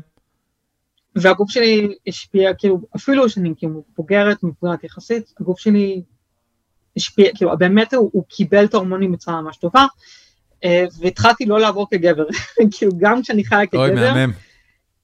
כן, כן, אני, אני מסתובבת עם כיפה על הראש, אני זוכרת שפעם אחת אה, גרנו באותו זמן במעלה אדומים, נכנסתי לקניון, אה, והמפתח בא הוא עוצר אותי, אומר לי, את אחד מהרבנים הרפורמים האלה, נכון? את אחד מהרבנים הרפורמים. אחד, אחד מהרבניות הרפורמיות, סליחה, הוא אמר לי, אחד מהרבניות הרפורמיות. אוי, נכון? גדול. את זאתי מהכותל. ואני כזה, אוקיי, אתה אומר, בסדר, סבבה. אוי, זה נפלא, כאילו, זה נפלא. לא הצלחתי לעבור כגבר, באיזשהו שלב אני מסתובבת עם כיפה על הראש, ואנשים פונים אליי בלשון נקבה. Uh, וזו הנקודה שבה עובדת סוציאלית מחליטה שבגלל שכאילו אומרות שאני לא חיה כנקבה, יש לי נראות שהיא כאילו יותר אנתרופגנית נקרא לזה ככה, וזה כאילו מפריע, היא מאוד מאוד הפריעה לה, והחליטה שזו הנקודה שבה אנחנו צריכים לעצור את כל ההסדרי ראייה ולהכניס את זה למרכז קשר. אה, וזו נקודה שבה יצאתי החוצה מהארון, אמרתי כבר נכנסת למרכז קשר, אז חבל פשוט שאני פשוט יצאתי מהארון באיזשהו, משהו כמו שבוע שבועיים מתוך התקופה שהייתי במרכז קשר, אה, והתחלנו לעשות קמפיין תקשורתי מאוד גדול. מאיפה האומץ? עם כל מה שאת מספרת לי כבר למעלה משעה על ביטחון עצמי נמוך ולא מצליחה לקבל את השכר שמגיע לך כמהנדסת תוכנה, מאיפה האומץ ללכת לתקשורת ולקרן נויבך ולהרים כזו מלחמת עולם? הילדים שלי, רציתי אותם חזרה. אוקיי. עד הילדים, את אומרת.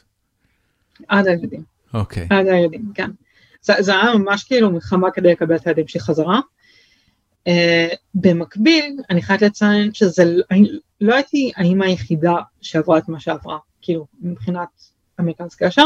אוקיי. Uh, היו עוד שני נשים, uh, אימהות, uh, שעברו את מה שאני עברתי, שניהם... גם הם נשים. טרנסיות? נשים טרנסיות אפילו מוכרות. Uh, המנטורית שלי מהבית הפתוח, uh, מאי פלג, זיכרונה לברכה, לא הכניסו אותה למרכז קשר אבל לקחו את הילדים, מאותן סיבות. נראות נשית. Uh, התאבדה לא הרבה אחרי זה. Uh, הסיפור שלה, היא הייתה, היא הייתה כן, מנהלת של הבית הפתוח, אני מנכ"לית. זוכר. היה סיפור שלם, ועוד חברה טובה שקוראים לה נטלי וייסברג, שהיא הופיעה באחד הפרקים של על הספקטרום, אוקיי. שזה היה בזמנו, כן, כן. אה, שגם הייתה לה ילדה קטנה, והיא גם הגיעה מרקע שהוא חרדי, אה, ולקחו את הילדים, הכניסו אותם למרכז קשר. זה, זה קרה שנתיים אחרי שכאילו התחתנו וכאילו הבאנו את הידע, הידע הבכור שלי, כאילו הידע הבכור, כאילו הידע הרביעי שלי, אה, והיא פנתה אליי באותו זמן, היא ביקשה שאני אעזור לה במרכז קשר, וכאילו הילד שלי היה פג, היינו באותו זמן בפגייה בהר הצופים, וכאילו לא יכלתי פשוט להתפנות כדי לעזור לה, כן. וכמה שבועות אחר כך היא התאבדה. וכי עד היום אני איפשהו. זאת אומרת, זה- זה דיני נפשות, על זה הולכים להילחם. על זה הולכים להילחם, כן, על זה הולכים להילחם. במה זה אה, נגמר? וכתוצ... אה, זה נגמר בזה שתחקרנית הגיעה כאילו ללשכת הרווחה במעלה אדומים ולשכת הרווחה נבהלה אה, והחליטה בסופו של דבר באותו יום אה, לומר לי שהילדה שלי יצאת למרכז קשר. לא קיבלתי אותה מיידית, כאילו זה, זה היה בתהליכים, כאילו זה קודם כל תראי אותה יום אחד בשבוע, ואז תקבלי אותה לינה פעם אחת בשבוע, ואז זה הייתה פעמיים בשבוע, כאילו בבת אחת לקחו לי את כל הזכויות, אבל אתה כן. להחזיר את הזכויות לקח להם שנה כמעט. כאילו, זה היה שנה שלי כזה, נעשה הכל בהדרגה.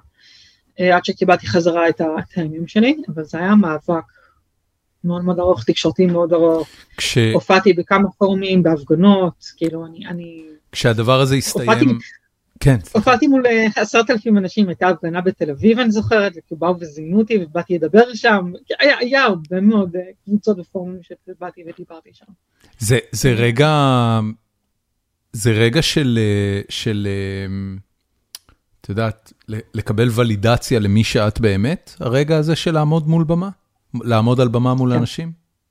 אוקיי, כן. א' כל להיות בקהל שלי, להיות עם אנשים שאני מרגישה בנוח איתם, שאני חלק מאותו קהל, ו- וגם כאילו להרגיש שאני עושה משהו. כי עוד עד אותן נקודות, אני חושבת שנקראו מ-2016, 17, 18, הנראות הטרנסית שלנו לא הייתה מה שהיא היום, זה משהו אחר לגמרי באותו זמן. היום זה כאילו, הנראות היא אחרת לגמרי, אבל, אבל בזמנו זה היה מאוד נדיר. אה, זה היה לפני שיחה לשאלה, זה היה... היו הרבה מאוד, אה, כאילו, היו לנו הרבה מאוד מאבקים כדי להגיע, לא יודעת אם כל הזמן ה- הדבר הזה כלל גם, אה, גם איומים פיזיים, או שזה לא הגיע למחוזות כאלה? מה מבחינת כאילו אנשים טוקבקים ואנשים ששלחו לי הודעות, אני- כן. באמת? כן, כן, הודעות שנאה אני מקבלת כל הזמן. מה זה הודעות שנאה? אה, הופעתי בהמון כתבות פשוט, אז בכל כתבה, כאילו, אפילו אנשים כותבים לי כזה, אוי, די נמאסנו ממנה.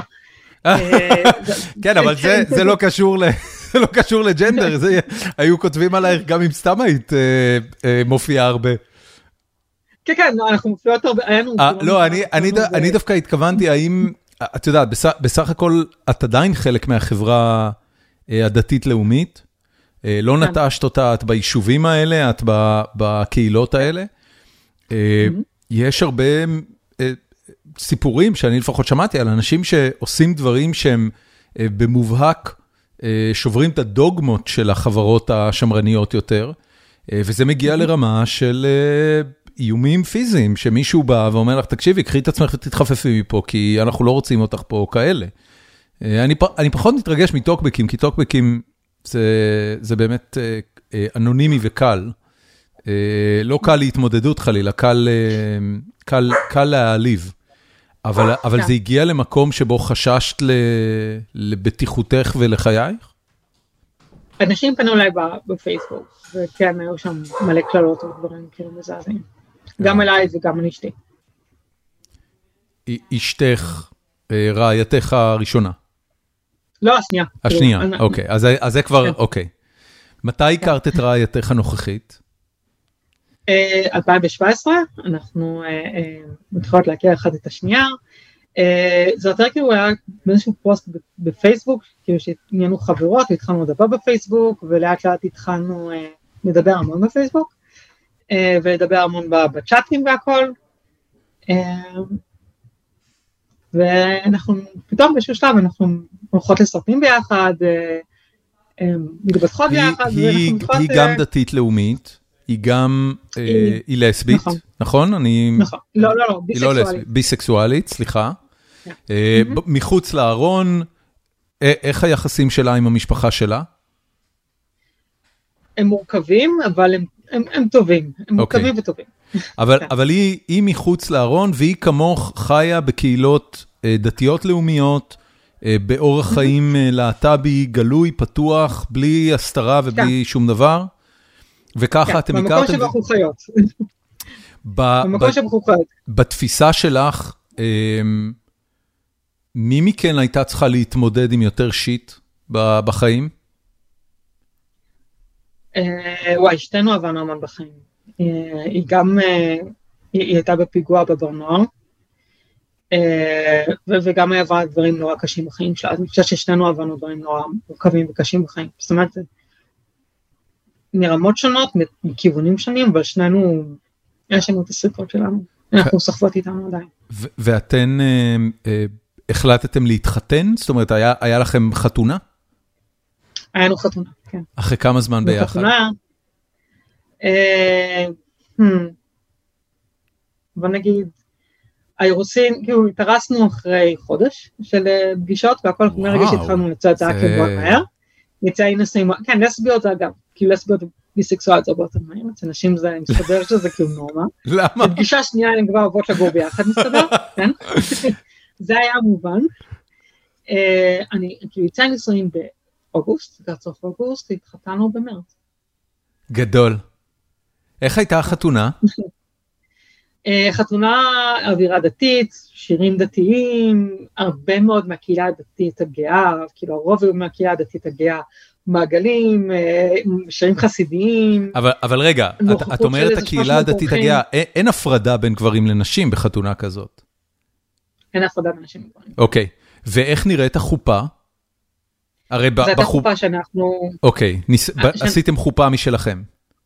כן, יש ארגון שאני חושבת שקוראים לו אלול, אני לא זוכרת בדיוק, שכאילו מארגן חתונות חילוניות, ממלכתיות, כן, ופנינו, וכאילו פנינו לחברה שהכרנו משם, אנחנו מכירות אותה עם כל מיני קבוצות, שהיא גם דתייה אורתודוקסית, אבל שהיא עושה כאילו חתונות, והיא זאת שהסיעה אותנו. אז, אז, אז מה עשיתם? הרי, הרי בטקס החופה היהודי, יש תפקיד מאוד ברור לגבר, יש תפקיד מאוד ברור לאישה, יש את הברכות, יש את ההקפות. מה עשיתם אצלכם? איך נראתה החופה? לא היה הקפות. אוקיי. אה, לא קידשנו, לא היה מי שמקדש. קידשנו אחת את השנייה. אה, שתינו שתינו מן היין ביחד. טבעות? אה, עשינו הכל, טבעות שמנו אחת לשנייה, כן. אבל שמתם אחת לשנייה כגבר, זאת אומרת בתפקיד היהודי הגבר שם טבעת על האישה, האישה לא שמה על הגבר. לא, כי לא הייתה פה עניין של קניין, זה לא פה עניין של... הבנתי, זאת אומרת ניסחתם מחדש את כל הטקס. כן. שברתם כוס? שברנו כוסות. שתי כוסות. כן. ושתיכם אמרתם... זה נורא קשה לי להכיר. כן, ברור. אני אומר, אוקיי, לוגיסטית, יש פה עניינים. ושתיכם אמרתם, אם אשכחך ירושלים? כן. גדול. אוי, זה מקסים. זה מקסים ממש. ועכשיו יש לכם ילדים משותפים, מאיפה הם הגיעו? הם הגיעו ממני וממנה, אני הקפאתי זרה. אוקיי. יש לנו עוברים נפואים.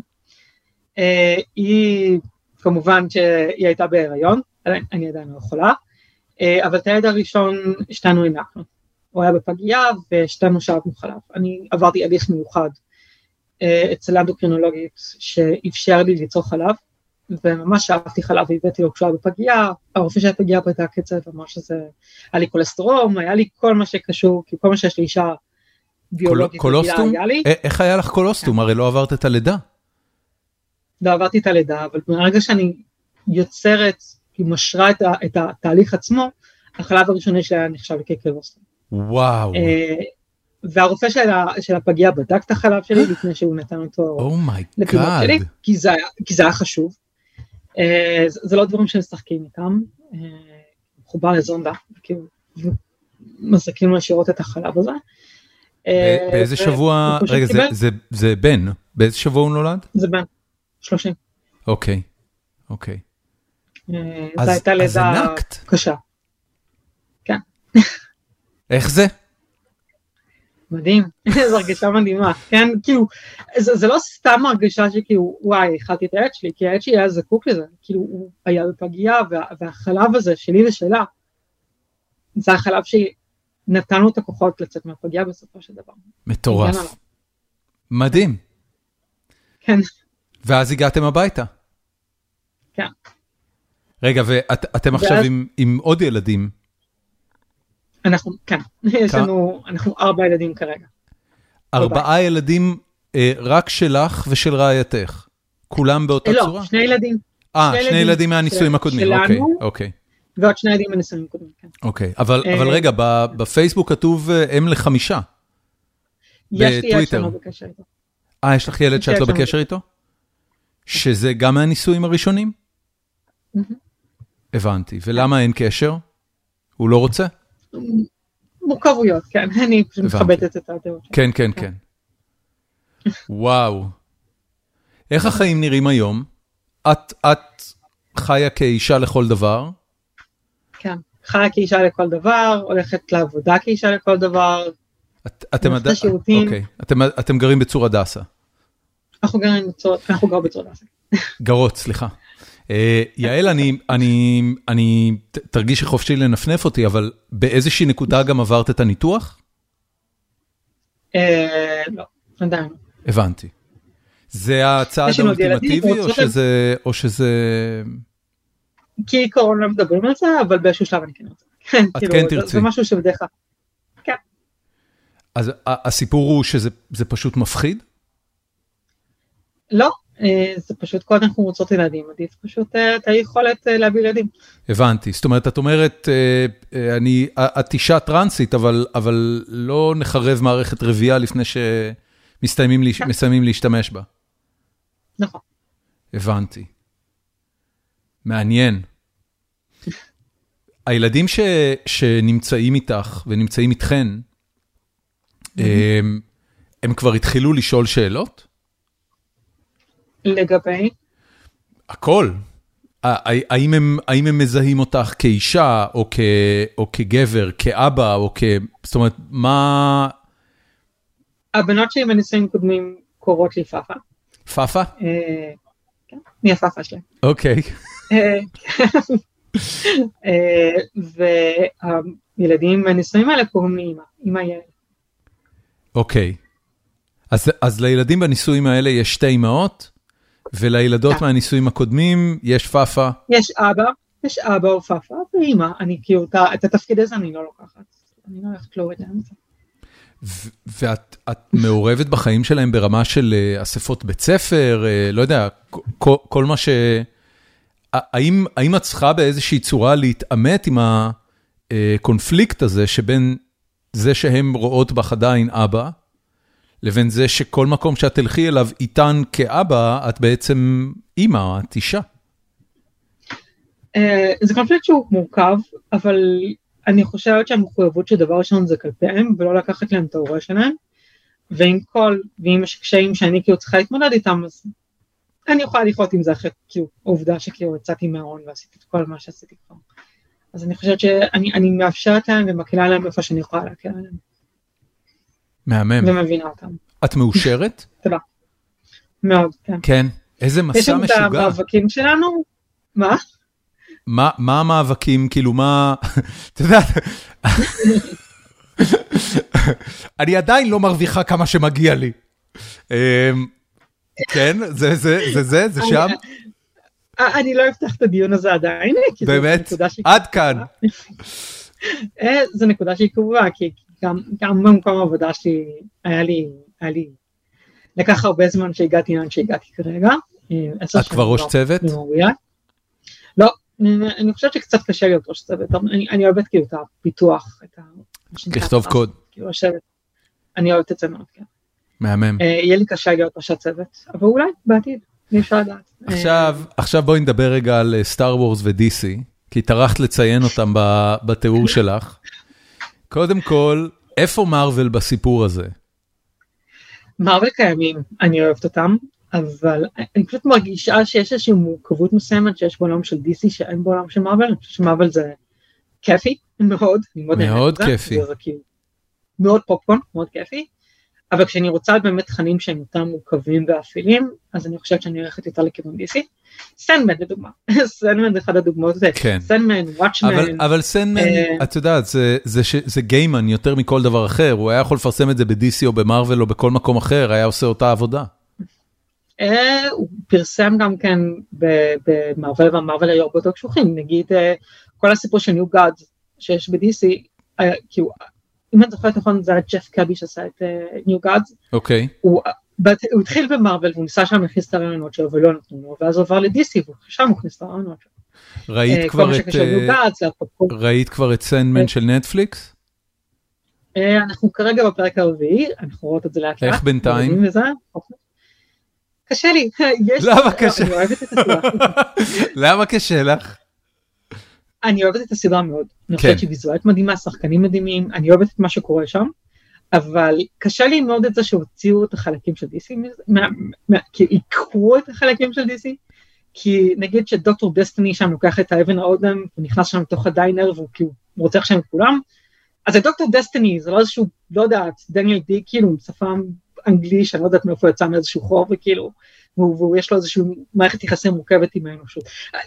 החלקים האלה של דוקטור דסטיני שנמצא כאילו בדיינר, או איך שמושן מנהנטר רואה את, את, את, את סנמן, בתור גם כן איזושהי אישות שמגיעה ממאדים, כל, ה, כל החלקים האלה שכאילו שהם חלק מהבשר של DC שהיה בתוך סנמן, לא קיימים יותר בסנדמן, וזה קשה כן, לי. כן, כן. אני מאוד אוהבת את ג'ואנה, היא גם מופיעה בסנדמן. את, את יותר, יעל, את יותר מדי גיקית. אני, סליחה.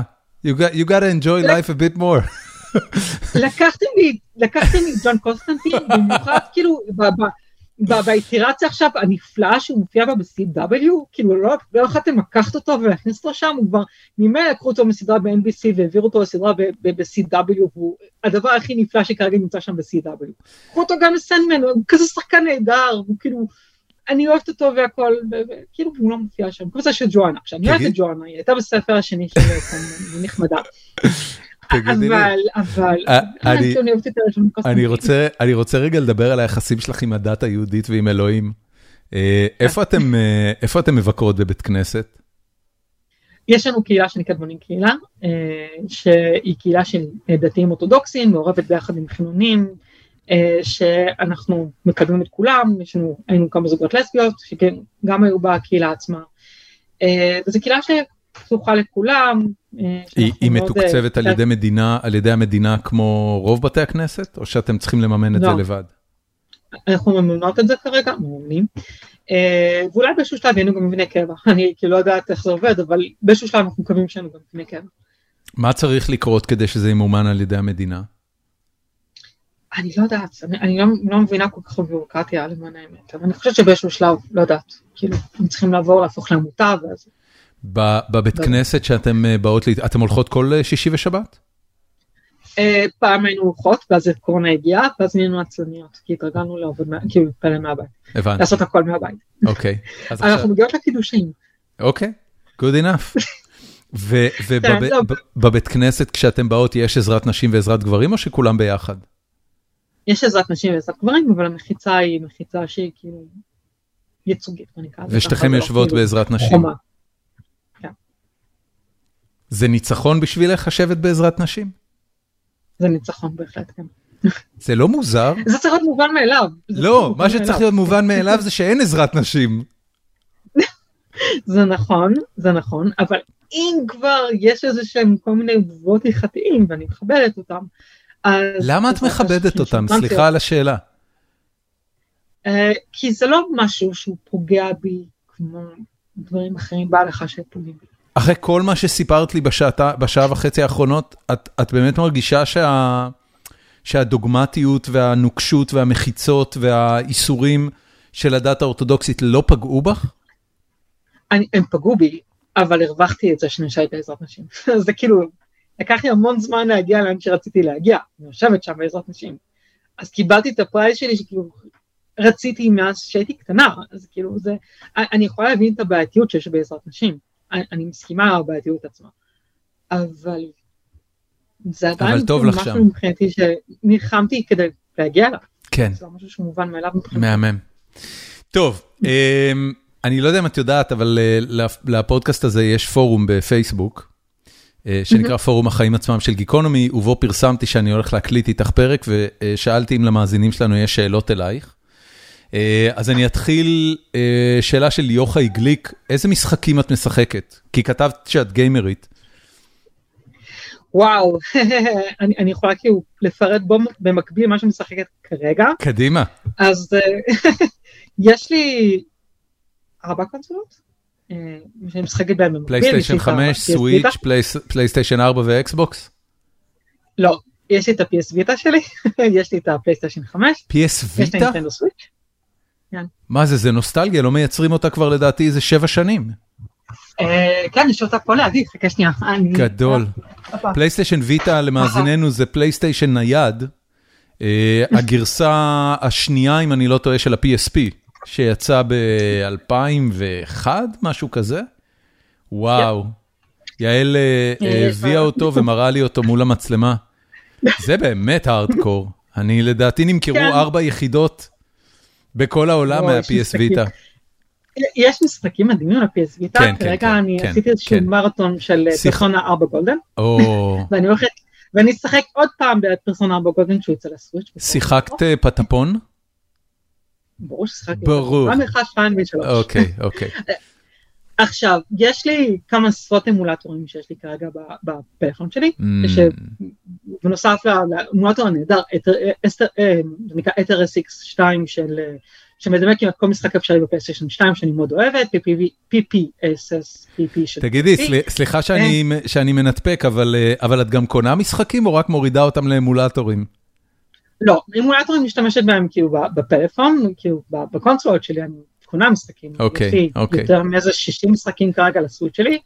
Uh, כרגע אני משחקת ב... Uh, שיחקתי ב Ender Lilies, שזה משחק Metroidvania ממש נחמד. End- Enderlies? גם- Ender Lilies, כן. אוקיי. זה משחק מאוד מיוחד, משחקים שם כמשחק מאיזשהו סטודיו יפני, היא משחקת כאילו בתור איזושהי כהנת שמתעוררת במקדש הרוס, כל העולם עצמו הרוס לגמרי, והיא צריכה לאט לאט כאילו להגיע ולהציל את ה guardians, שזה כאילו, הם עברו איזשהו תהליך של מטמורפוזיזה, כאילו. עברו איזשהו תהליך מסוים של כן. אה, ריקבון, ואני צריכה ללכת להציל אותם, וכל כאילו גרדיאן שאני מצילה אני מקבלת יכולות מיוחדות, בגלל זה מטרובניה, ואז אני פותחת אה, שלבים חדשים. תגידי, במשחקי אה, כן. וידאו, כשאת מתחילה לשחק ואת צריכה לבחור אבטאר, את כבר בוחרת אישה?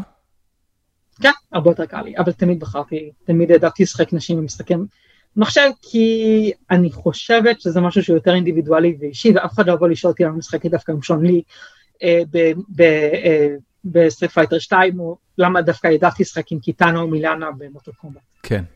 טוב, אה, שי ורדי, מה זה? או עם הגנבת בדיעבד. fair enough.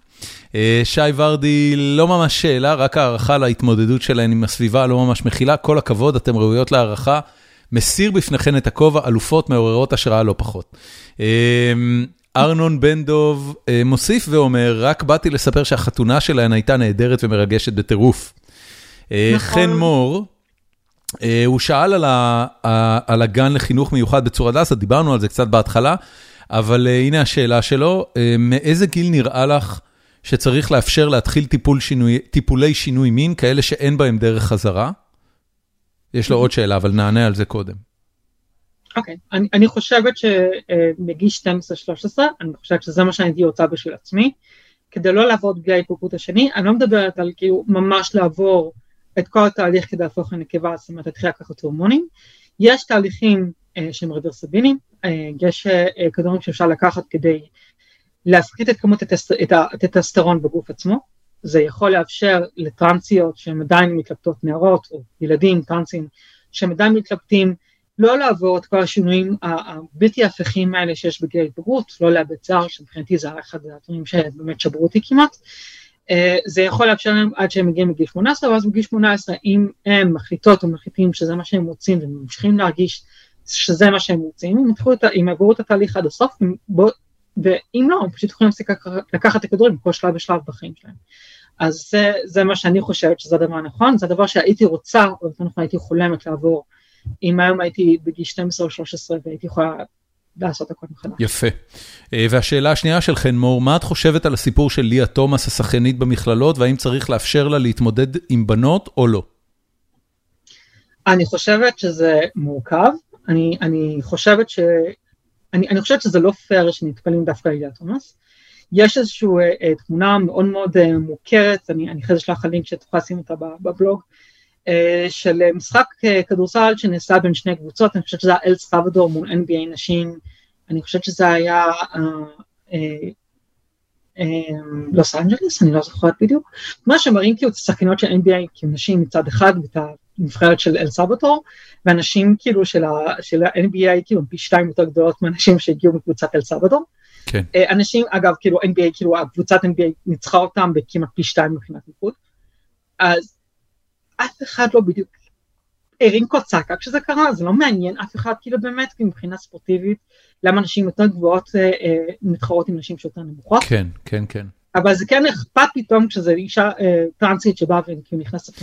אני, אני, אה, אני תמיד בדיונים האלה נזכר ב, באותו מערכון קלאסי, שבעצם צחק על זה שמזרח גרמניה אה, נהגה לפוצץ את הנשים שלה אה, בסטרואידים והורמונים, כדי שיהיו יותר חזקות, יותר קשוחות, יותר... אה, ובמערכון, אם אני לא טועה, של לול, אז משה איש כסית עומד מול, ה, מול המצלמה, לבוש בתלבושת של ספורטאית מזרח גרמניה, ואומר, אני אישה. אז את יודעת, ממילא מפמפמים את הביו-הקינג הזה לתוך ספורטאיות כבר עשרות בשנים. אמ, אני לא, לא חושבת שזו הייתה הנקודה כאילו הבעייתית, כאילו פחות, אני לא ראיתי את המערכון אבל זה נשמע קצת כאילו קצת טרנספובי, אני לא יודעת, כאילו קצת... אה, זה לא היה טרנספובי כי לא דיברו אז על טראנס, אבל זה בהחלט לעג לעובדה ש... אה, שגם אנשים, שגם המתמודדות המזרח גרמניות, לא בטוח כמה הם כבר נשים עם כמה כימיקלים שפוצצו אותם, או לפחות ככה אני פירשתי את זה. זה יותר לעג למזרח גרמניה בעיניי מכל דבר אחר. אבל אני מאוד מאוד אשמח כאילו להעלות כאילו את את הלינקים האלה כאילו של... אני, תשלחי לי אותם, זה יופיע, כן, כן, חד משמעית. כן, אוקיי. תשלחי לי את הלינקים ואני אעלה את זה לעמוד הפרק, אה, מאזיננו, אם אתם מקשיבים, אז לכו לעמוד הפרק. וזה יהיה שם. אה, דין לנגסם שואל, איך את מרגישה עם זה שחרף הניסיונות הרבים DC לא מצליחה לייצר יקום קולנועי ראוי? אה, כמו כן, מי הגרין לנטרן האהוב עלייך? אבל נתחיל מהראשון, למה DC לא מצליחים כמו מארוול? אוקיי, אה, אני חושבת שאין להם חזון קוהרנטי כמו שהיה למרוויל. כי אין להם את קווין פייגי ברקע? אין להם את קווין פייגי ברקע. אני חושבת שהיום מחפשים כי בהתחלה זה היה אמור להיות אה, ביינזינגר, לא ביינזינגר, נכון. זק סניידר? זק סניידר היה אמור להיות הקווין פייגי שלהם, כן. אבל זק סניידר יש לו את החזון שלו ויש לו את הצורה שהוא כאילו עושה את כן, הדברים כן, שלו, כן. וכאילו לא, לא, לא מקובל על כולם, אני יכולה להבין את ה, את ה...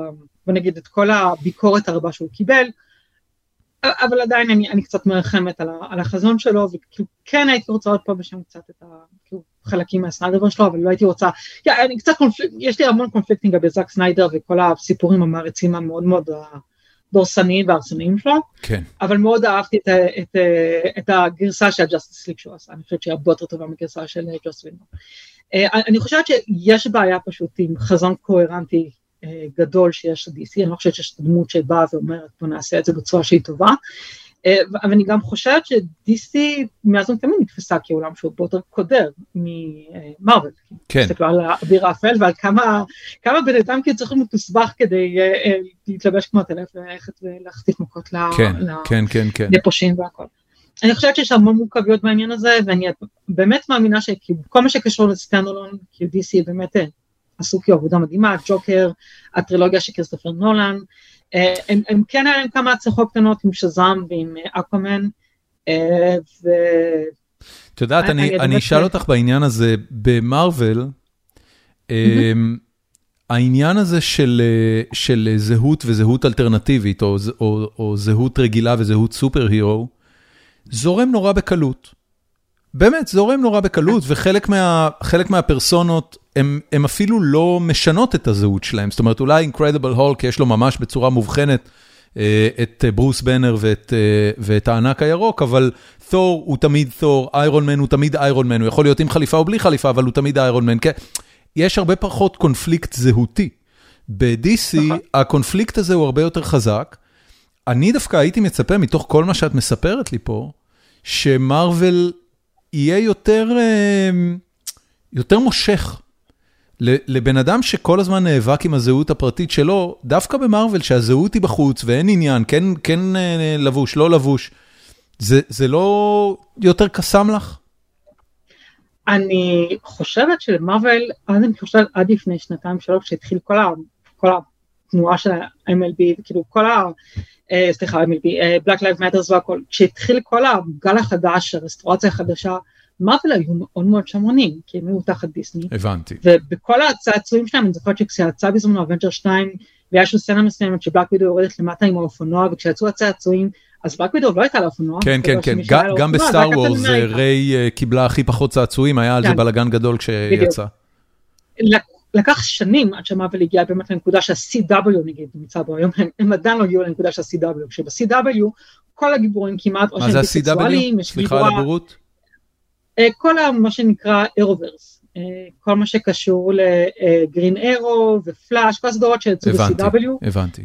Legends of Tomorrow, שם שמו נגיד את כל הדמויות הלהט"ביות ב front, כבר יותר מעשר שנים. דרימר, שהיא דמות שהיא טרנסית, נמצאת שם, הייתה לפחות ב Supergirl במשך שנים. מרוויל כאילו עדיין לא, לא גירדה את ה... את ה זה נכון, לא, זה לא נכון, הגיעה לעשירית ממה, ש DC עשו נגיד בעשר שנים האחרונות בסדרה. Fair enough. Um, ברור שאני אזדהים יותר עם DC מאשר עם מרוויל, כי מרוויל כאילו רק אחרי שכל הבלגן התחיל, החליטו טוב סבבה עכשיו אנחנו נתחיל כאילו לדחוק לכם את כל ה... צודקת, את כל ה... צודקת. לגמרי. סורי, כאילו, אמ, הגעתם יותר מדי מאוחר. כן, כן, כן, לא, אני מבין את זה עכשיו. לגמרי. אמ, אגב, ראית את אמברלה אקדמי ודה בויז? בטח. ו? thumbs up? אה, אני אוהבת, אני מאוד, כן, two thumbs up. אוקיי. אה, תומר קפון, אתה נהדר, אתה שומע אותי? תומר קפון נהדר ב The Boys, נהדר, נהדר. פרנצ'י נהדר, אני אוהבת מאוד את תומר קפון, תמשיך ככה. איזה דמות, כן. דמות נהדרת. באמת. רק כדי לסגור את השאלה של דין, אה, מי ה Green Lantern האהוב עלייך?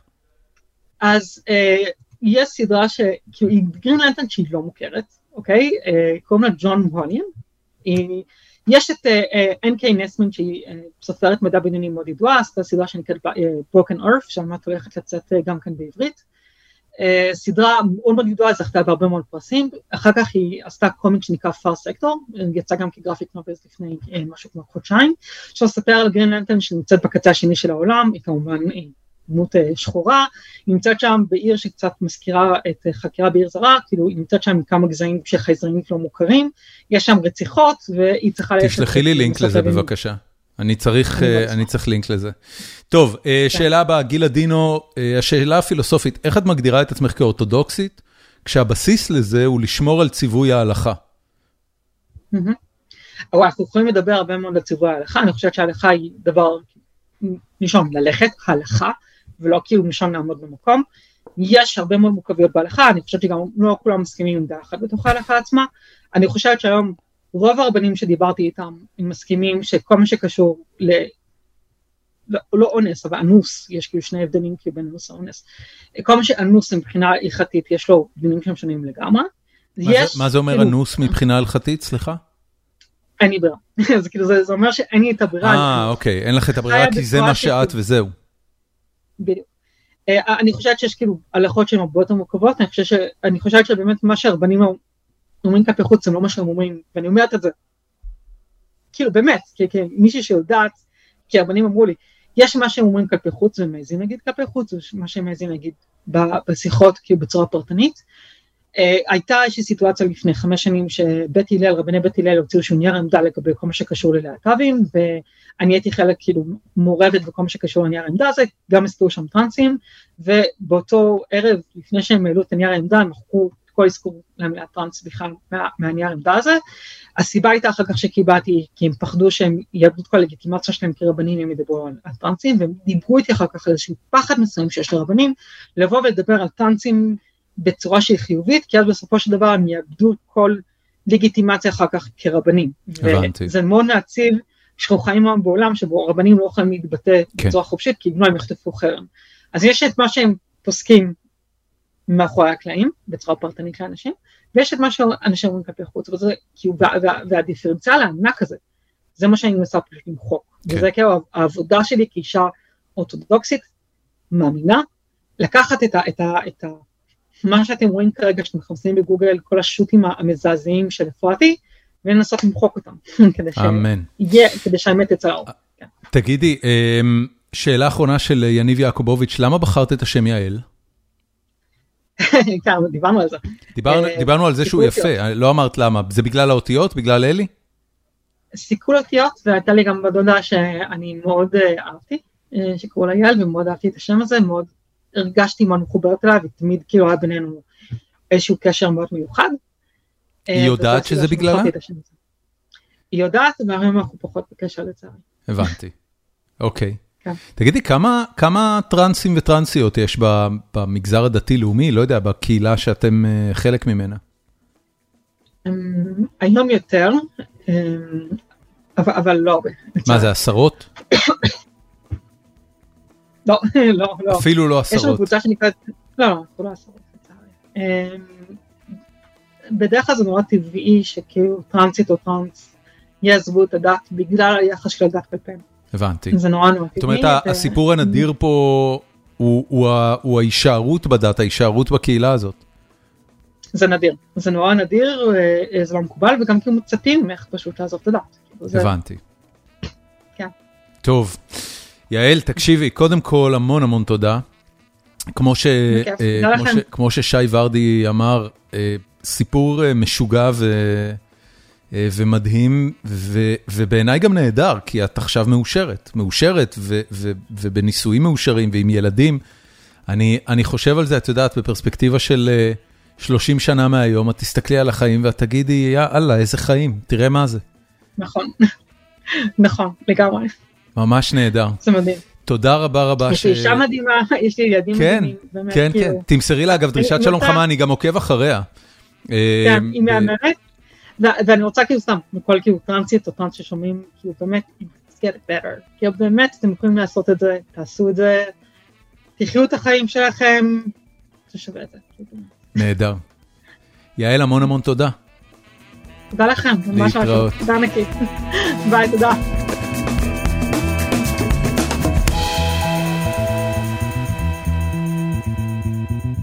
עד כאן הפרק, ואיזה פרק. כשסיימנו להקליט ו... ועצרתי את ההקלטה, אז יעל אה, עוד הספיקה להגיד לי שהיא היא ממש התבאסה שלא דיברנו יותר על, על היהדות. כי אה, המקום ביהדות שהיא מצאה, ושהיא היא, היא מצליחה אה, להישאר ביהדות ולאהוב את היהדות בזכותו, אה, הוא מקום שנורא חשוב לה לקדם אותו. ו... אה, וזה הדהים אותי, כי הנטייה באופן טבעי היא שבגלל שהיהדות אה, בישראל באה אה, כמעט אך ורק בגוון אחד, שהוא הגוון האורתודוקסי, אז אנשים שמשתייכים לקהילה הלהטב"קית נודדים מהיהדות לקהילות אחרות, חלקן אכן עדיין דתיות, אבל, אבל רובן כבר לא.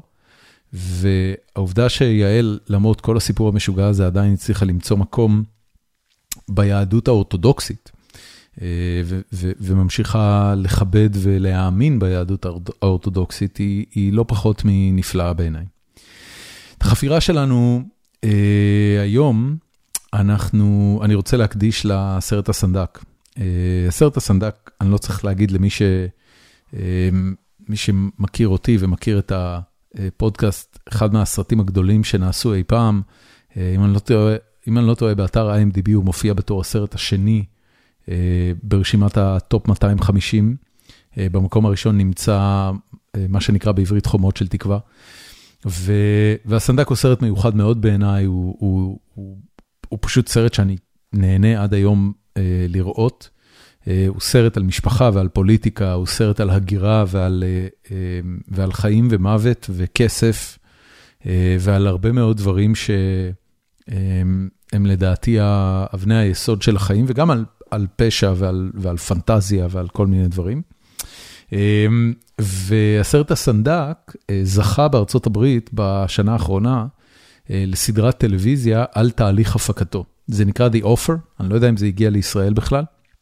אבל אם תחפשו את זה אונליין, אז זה נקרא The Offer, וזו סדרה של עשרה פרקים, אה, שמי שמככב בה זה מיילס טלר, שלאחרונה ראינו אותו במבריק בתור הבן של גוס, שהתבגר וטס עם מבריק. ומיילס טלר משחק את המפיק של אה, הסנדק, שסיפור ההפקה שלו הוא לא פחות מגניב מהסרט עצמו. אה, איך הביאו את מריו פוצו, פוזו, פוצו, פוזו, לכתוב את התסריט ולעשות ממנו סרט, איך הביאו את אה, פרנסיס פורד קופולה לעשות את הסרט הזה. אמ, המפיק הוא אה, בחור יהודי בשם אל רדי שלא עשה הרבה לפני זה, ו, אמ, והתהליך של הפקת הסרט כלל לא מעט נקודות שבהם הוא אשכרה היה צריך להתעסק עם המאפיה עצמה, כי המאפיה אה, שבאותם ימים הייתה לא שונה הרבה ממה שרואים בסרט, המאפיה האמריקאית בניו יורק וב-LA ובלאס וגאס, שמעה שמריו פוזו הולך לעשות סרט מהספר שלו, והם שנאו את הספר כי הוא השפיל אותם והציג אותם כפושעים ונבלים, לא upstanding members of society. ו, אה, ולכן ניסו להתנכל לסרט, אה, ויש שם איזה מהלך עלילתי שמסביר איך בסופו של דבר הסרט קרה ונעשה, והוא כיפי והוא מקסים. ויש שם המון אה, אה, אה, הומאז'ים לסצנות הגדולות של הסרט. יש שם גם דברים קצת פחות מפנקים, השחקן שהם בחרו לשחק את מרלון ברנדו הוא פח אשפה לדעתי, וכל פעם שהוא מופיע על המסך אני, אני נדהם כמה, כמה פחות כריזמה יש לו ממרלון ברנדו, ו, וזה לא משנה את העובדה שהסדרה היא עדיין כיפית נורא. אבל תוך כדי שאני צפיתי בסדרה, אז אה, אז לא יכולתי לעצור את עצמי מלקרוא תוך כדי אה, באינטרנט, האם זה נכון, האם באמת ככה זה היה, האם זה זה אירועים שקרו במציאות וכולי וכולי. וחלק באמת גדול מהדברים שרואים בסדרה הם דברים שקרו במציאות, ותוך כדי שאני צופה בזה, אז אני לאט לאט גולש להפי אנד, שהוא גם הפינאלה של הסדרה, שזה הרגע שבו uh, The Godfather גם הופך לאחד הסרטים הקופתיים, או אפילו הכי קופתי של אותה שנה, וגם הופך לפצצת אוסקרים. אה, מרלון ברנדו קיבל אוסקר, והסרט כמובן קיבל אוסקר על Best Picture. אה, אל רדי בעצמו עלה וקיבל את הפרס. ו... ואז ככה כשאני גולש לי ביוטיוב ורואה את כל הקליפים האלה של נאומי האוסקר, אז אני נתקל בנאום אה, של מרלון ברנדו. מרלון ברנדו היה באותם ימים כבר שחקן מאוד מפורסם, די מבוגר, אה, פרובלמטי במידה רבה. אה, הרבה אה, בהוליווד לא רצו לעבוד איתו, כי הוא היה ידוע בתור פיינשמקר, ולפי מה שמספרים, הוא גם לא כל כך אהב להיות שחקן. זאת אומרת, הוא בחר את הפרויקטים שלו מאוד בקפידה, והיה מאוד נודניק לגבי איך הוא יבצע את התפקידים שלו. לאותו טקס אוסקר, שעליו הוא היה מועמד לתפקיד של דון קורליאון, הוא לא הגיע, ובמקומו הוא שלח לטקס האוסקר בחורה אינדיאנית, מה שמכונה Native American, זאת אומרת אינדיאנית אה, אה, ילידה אמריקאית, אה, קראו לה סצ'ין ליטל פדר, Little Feather נוצה קטנה, וכשהכרוז הכריז שמרלון ברנדו זכה בפרס, אז אותה סצ'ין Little Feather עלתה לקבל את הפרס במקומו, ונשאה נאום נורא מרגש על זה שהיא... שמרלון ברנדו לא מקבל את הפרס ושהיא תיקח את הפרס במקומו, וזה כדי להזכיר את הטבח שנעשה בבני העם שלה. אנחנו מדברים פה על שנת 73, אם אני לא טועה, אה, ובשנת 73, ארצות הברית הלבנה והוליווד אה, לא בדיוק חיו בשלום ובפתיחות ובפרוגרסיביות עם העובדה שהאמריקאים טבחו את האוכלוסייה הילידית עד שלא נשאר מהם כמעט כלום. האירוע הזה שסצ'ין ליטל פדר עלתה לבמה לקבל את האוסקר במקום מרלון ברנדו, היה טלטלה אדירה באותה, באותה תקופה. דיברו על זה הרבה, זה היה סקנדל גדול. זה הפר כמובן את שלוות הטקס, ובזמן שהיא נעמה ובקול מאוד מאוד שלו ומאוד מאוד מתוק ומאוד מאוד עצוב, היא מדברת על השואה שקרתה לעם שלה, אז אנשים בעולם צעקו לה בוז. ו... וזה קטע מדהים, זה קטע מדהים, מדהים, מדהים, כי uh, אתה עושה בראש את האנלוגיות uh, להיום, ואני מדמיין לי ככה עם עצמי שנניח uh, uh, איזשהו uh, uh, שחקן אקדמאי, uh, לא יודע מה, חתן פרס ישראל כלשהו, uh, מחליט להעלות לבמה לקבל את פרס ישראל ולשאת נאום uh, בשם עוולה ציבורית כלשהי. עוולה ציבורית שאין עליה קונצנזוס כרגע, ואני לא אכנס לפרטים, אני מניח שכל מאזיננו יכולים לדמיין את העוולות הציבוריות האלה. ו... ואיזה בלגן זה היה עושה במדינה, ואיזה טוקבקים מזועזעים היו מתעופפים על זה.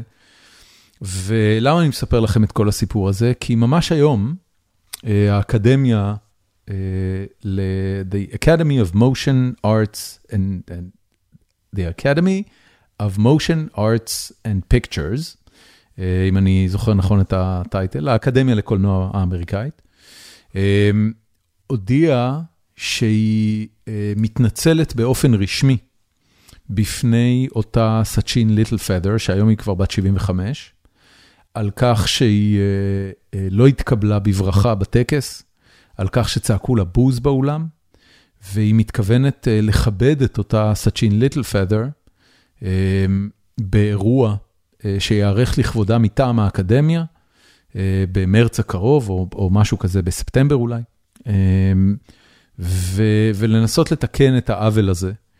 וגם זה מדהים אותי, העובדה ש-50 שנה אחרי ש... כמעט 50 שנה אחרי שדבר כזה קורה, יש עדיין אנשים בארצות הברית שמסתובבים עם הדברים האלה ואומרים, אוקיי, אנחנו צריכים לעשות על זה תיקון היסטורי. בישראל לא מתעסקים בלהתנצל, בטח לא על דברים שקרו לפני 50 שנה, אבל, אבל גם לא על דברים יותר קרובים מזה. ואני בעיקר רואה בזה סמל לחוסן של חברה, וליכולת של חברה לחזור אחורה על האירועים שקרו בעברה, ולהסתכל עליהם בפרספקטיבה חדשה, שונה, חיובית יותר, יותר אוהבת אדם. אני מניח שממרחק של 50 שנה ו-100 שנה, רוב, ה, רוב הסכסוכים העקובים מדם הופכים ל, לעניינים ברורים מאליהם, שלא ברור בכלל על מה רבו. ואני רוצה לקשור את זה בחזרה לפרק הזה עם יעל, ש... כמו שהיא סיפרה לכם את הסיפור שלה והקושי העצום, הקושי החברתי העצום שכלול בתוכו, יש בי תקווה קלה שבעוד 50 שנה מהיום, סיפור כזה בעיקר ייראה לאנשים מוזר, ולא יבינו על מה ה big deal, ואיך יכול להיות שבן אדם מבלה 35 שנה בארון ולא חי עם הזהות שלו, כי אנחנו מתקדמים לזה בעולם. ועל כך אני מאוד אופטימי. ועד כאן החפירה שלי להיום, תודה רבה שהאזנתם, נתראה בפרק הבא.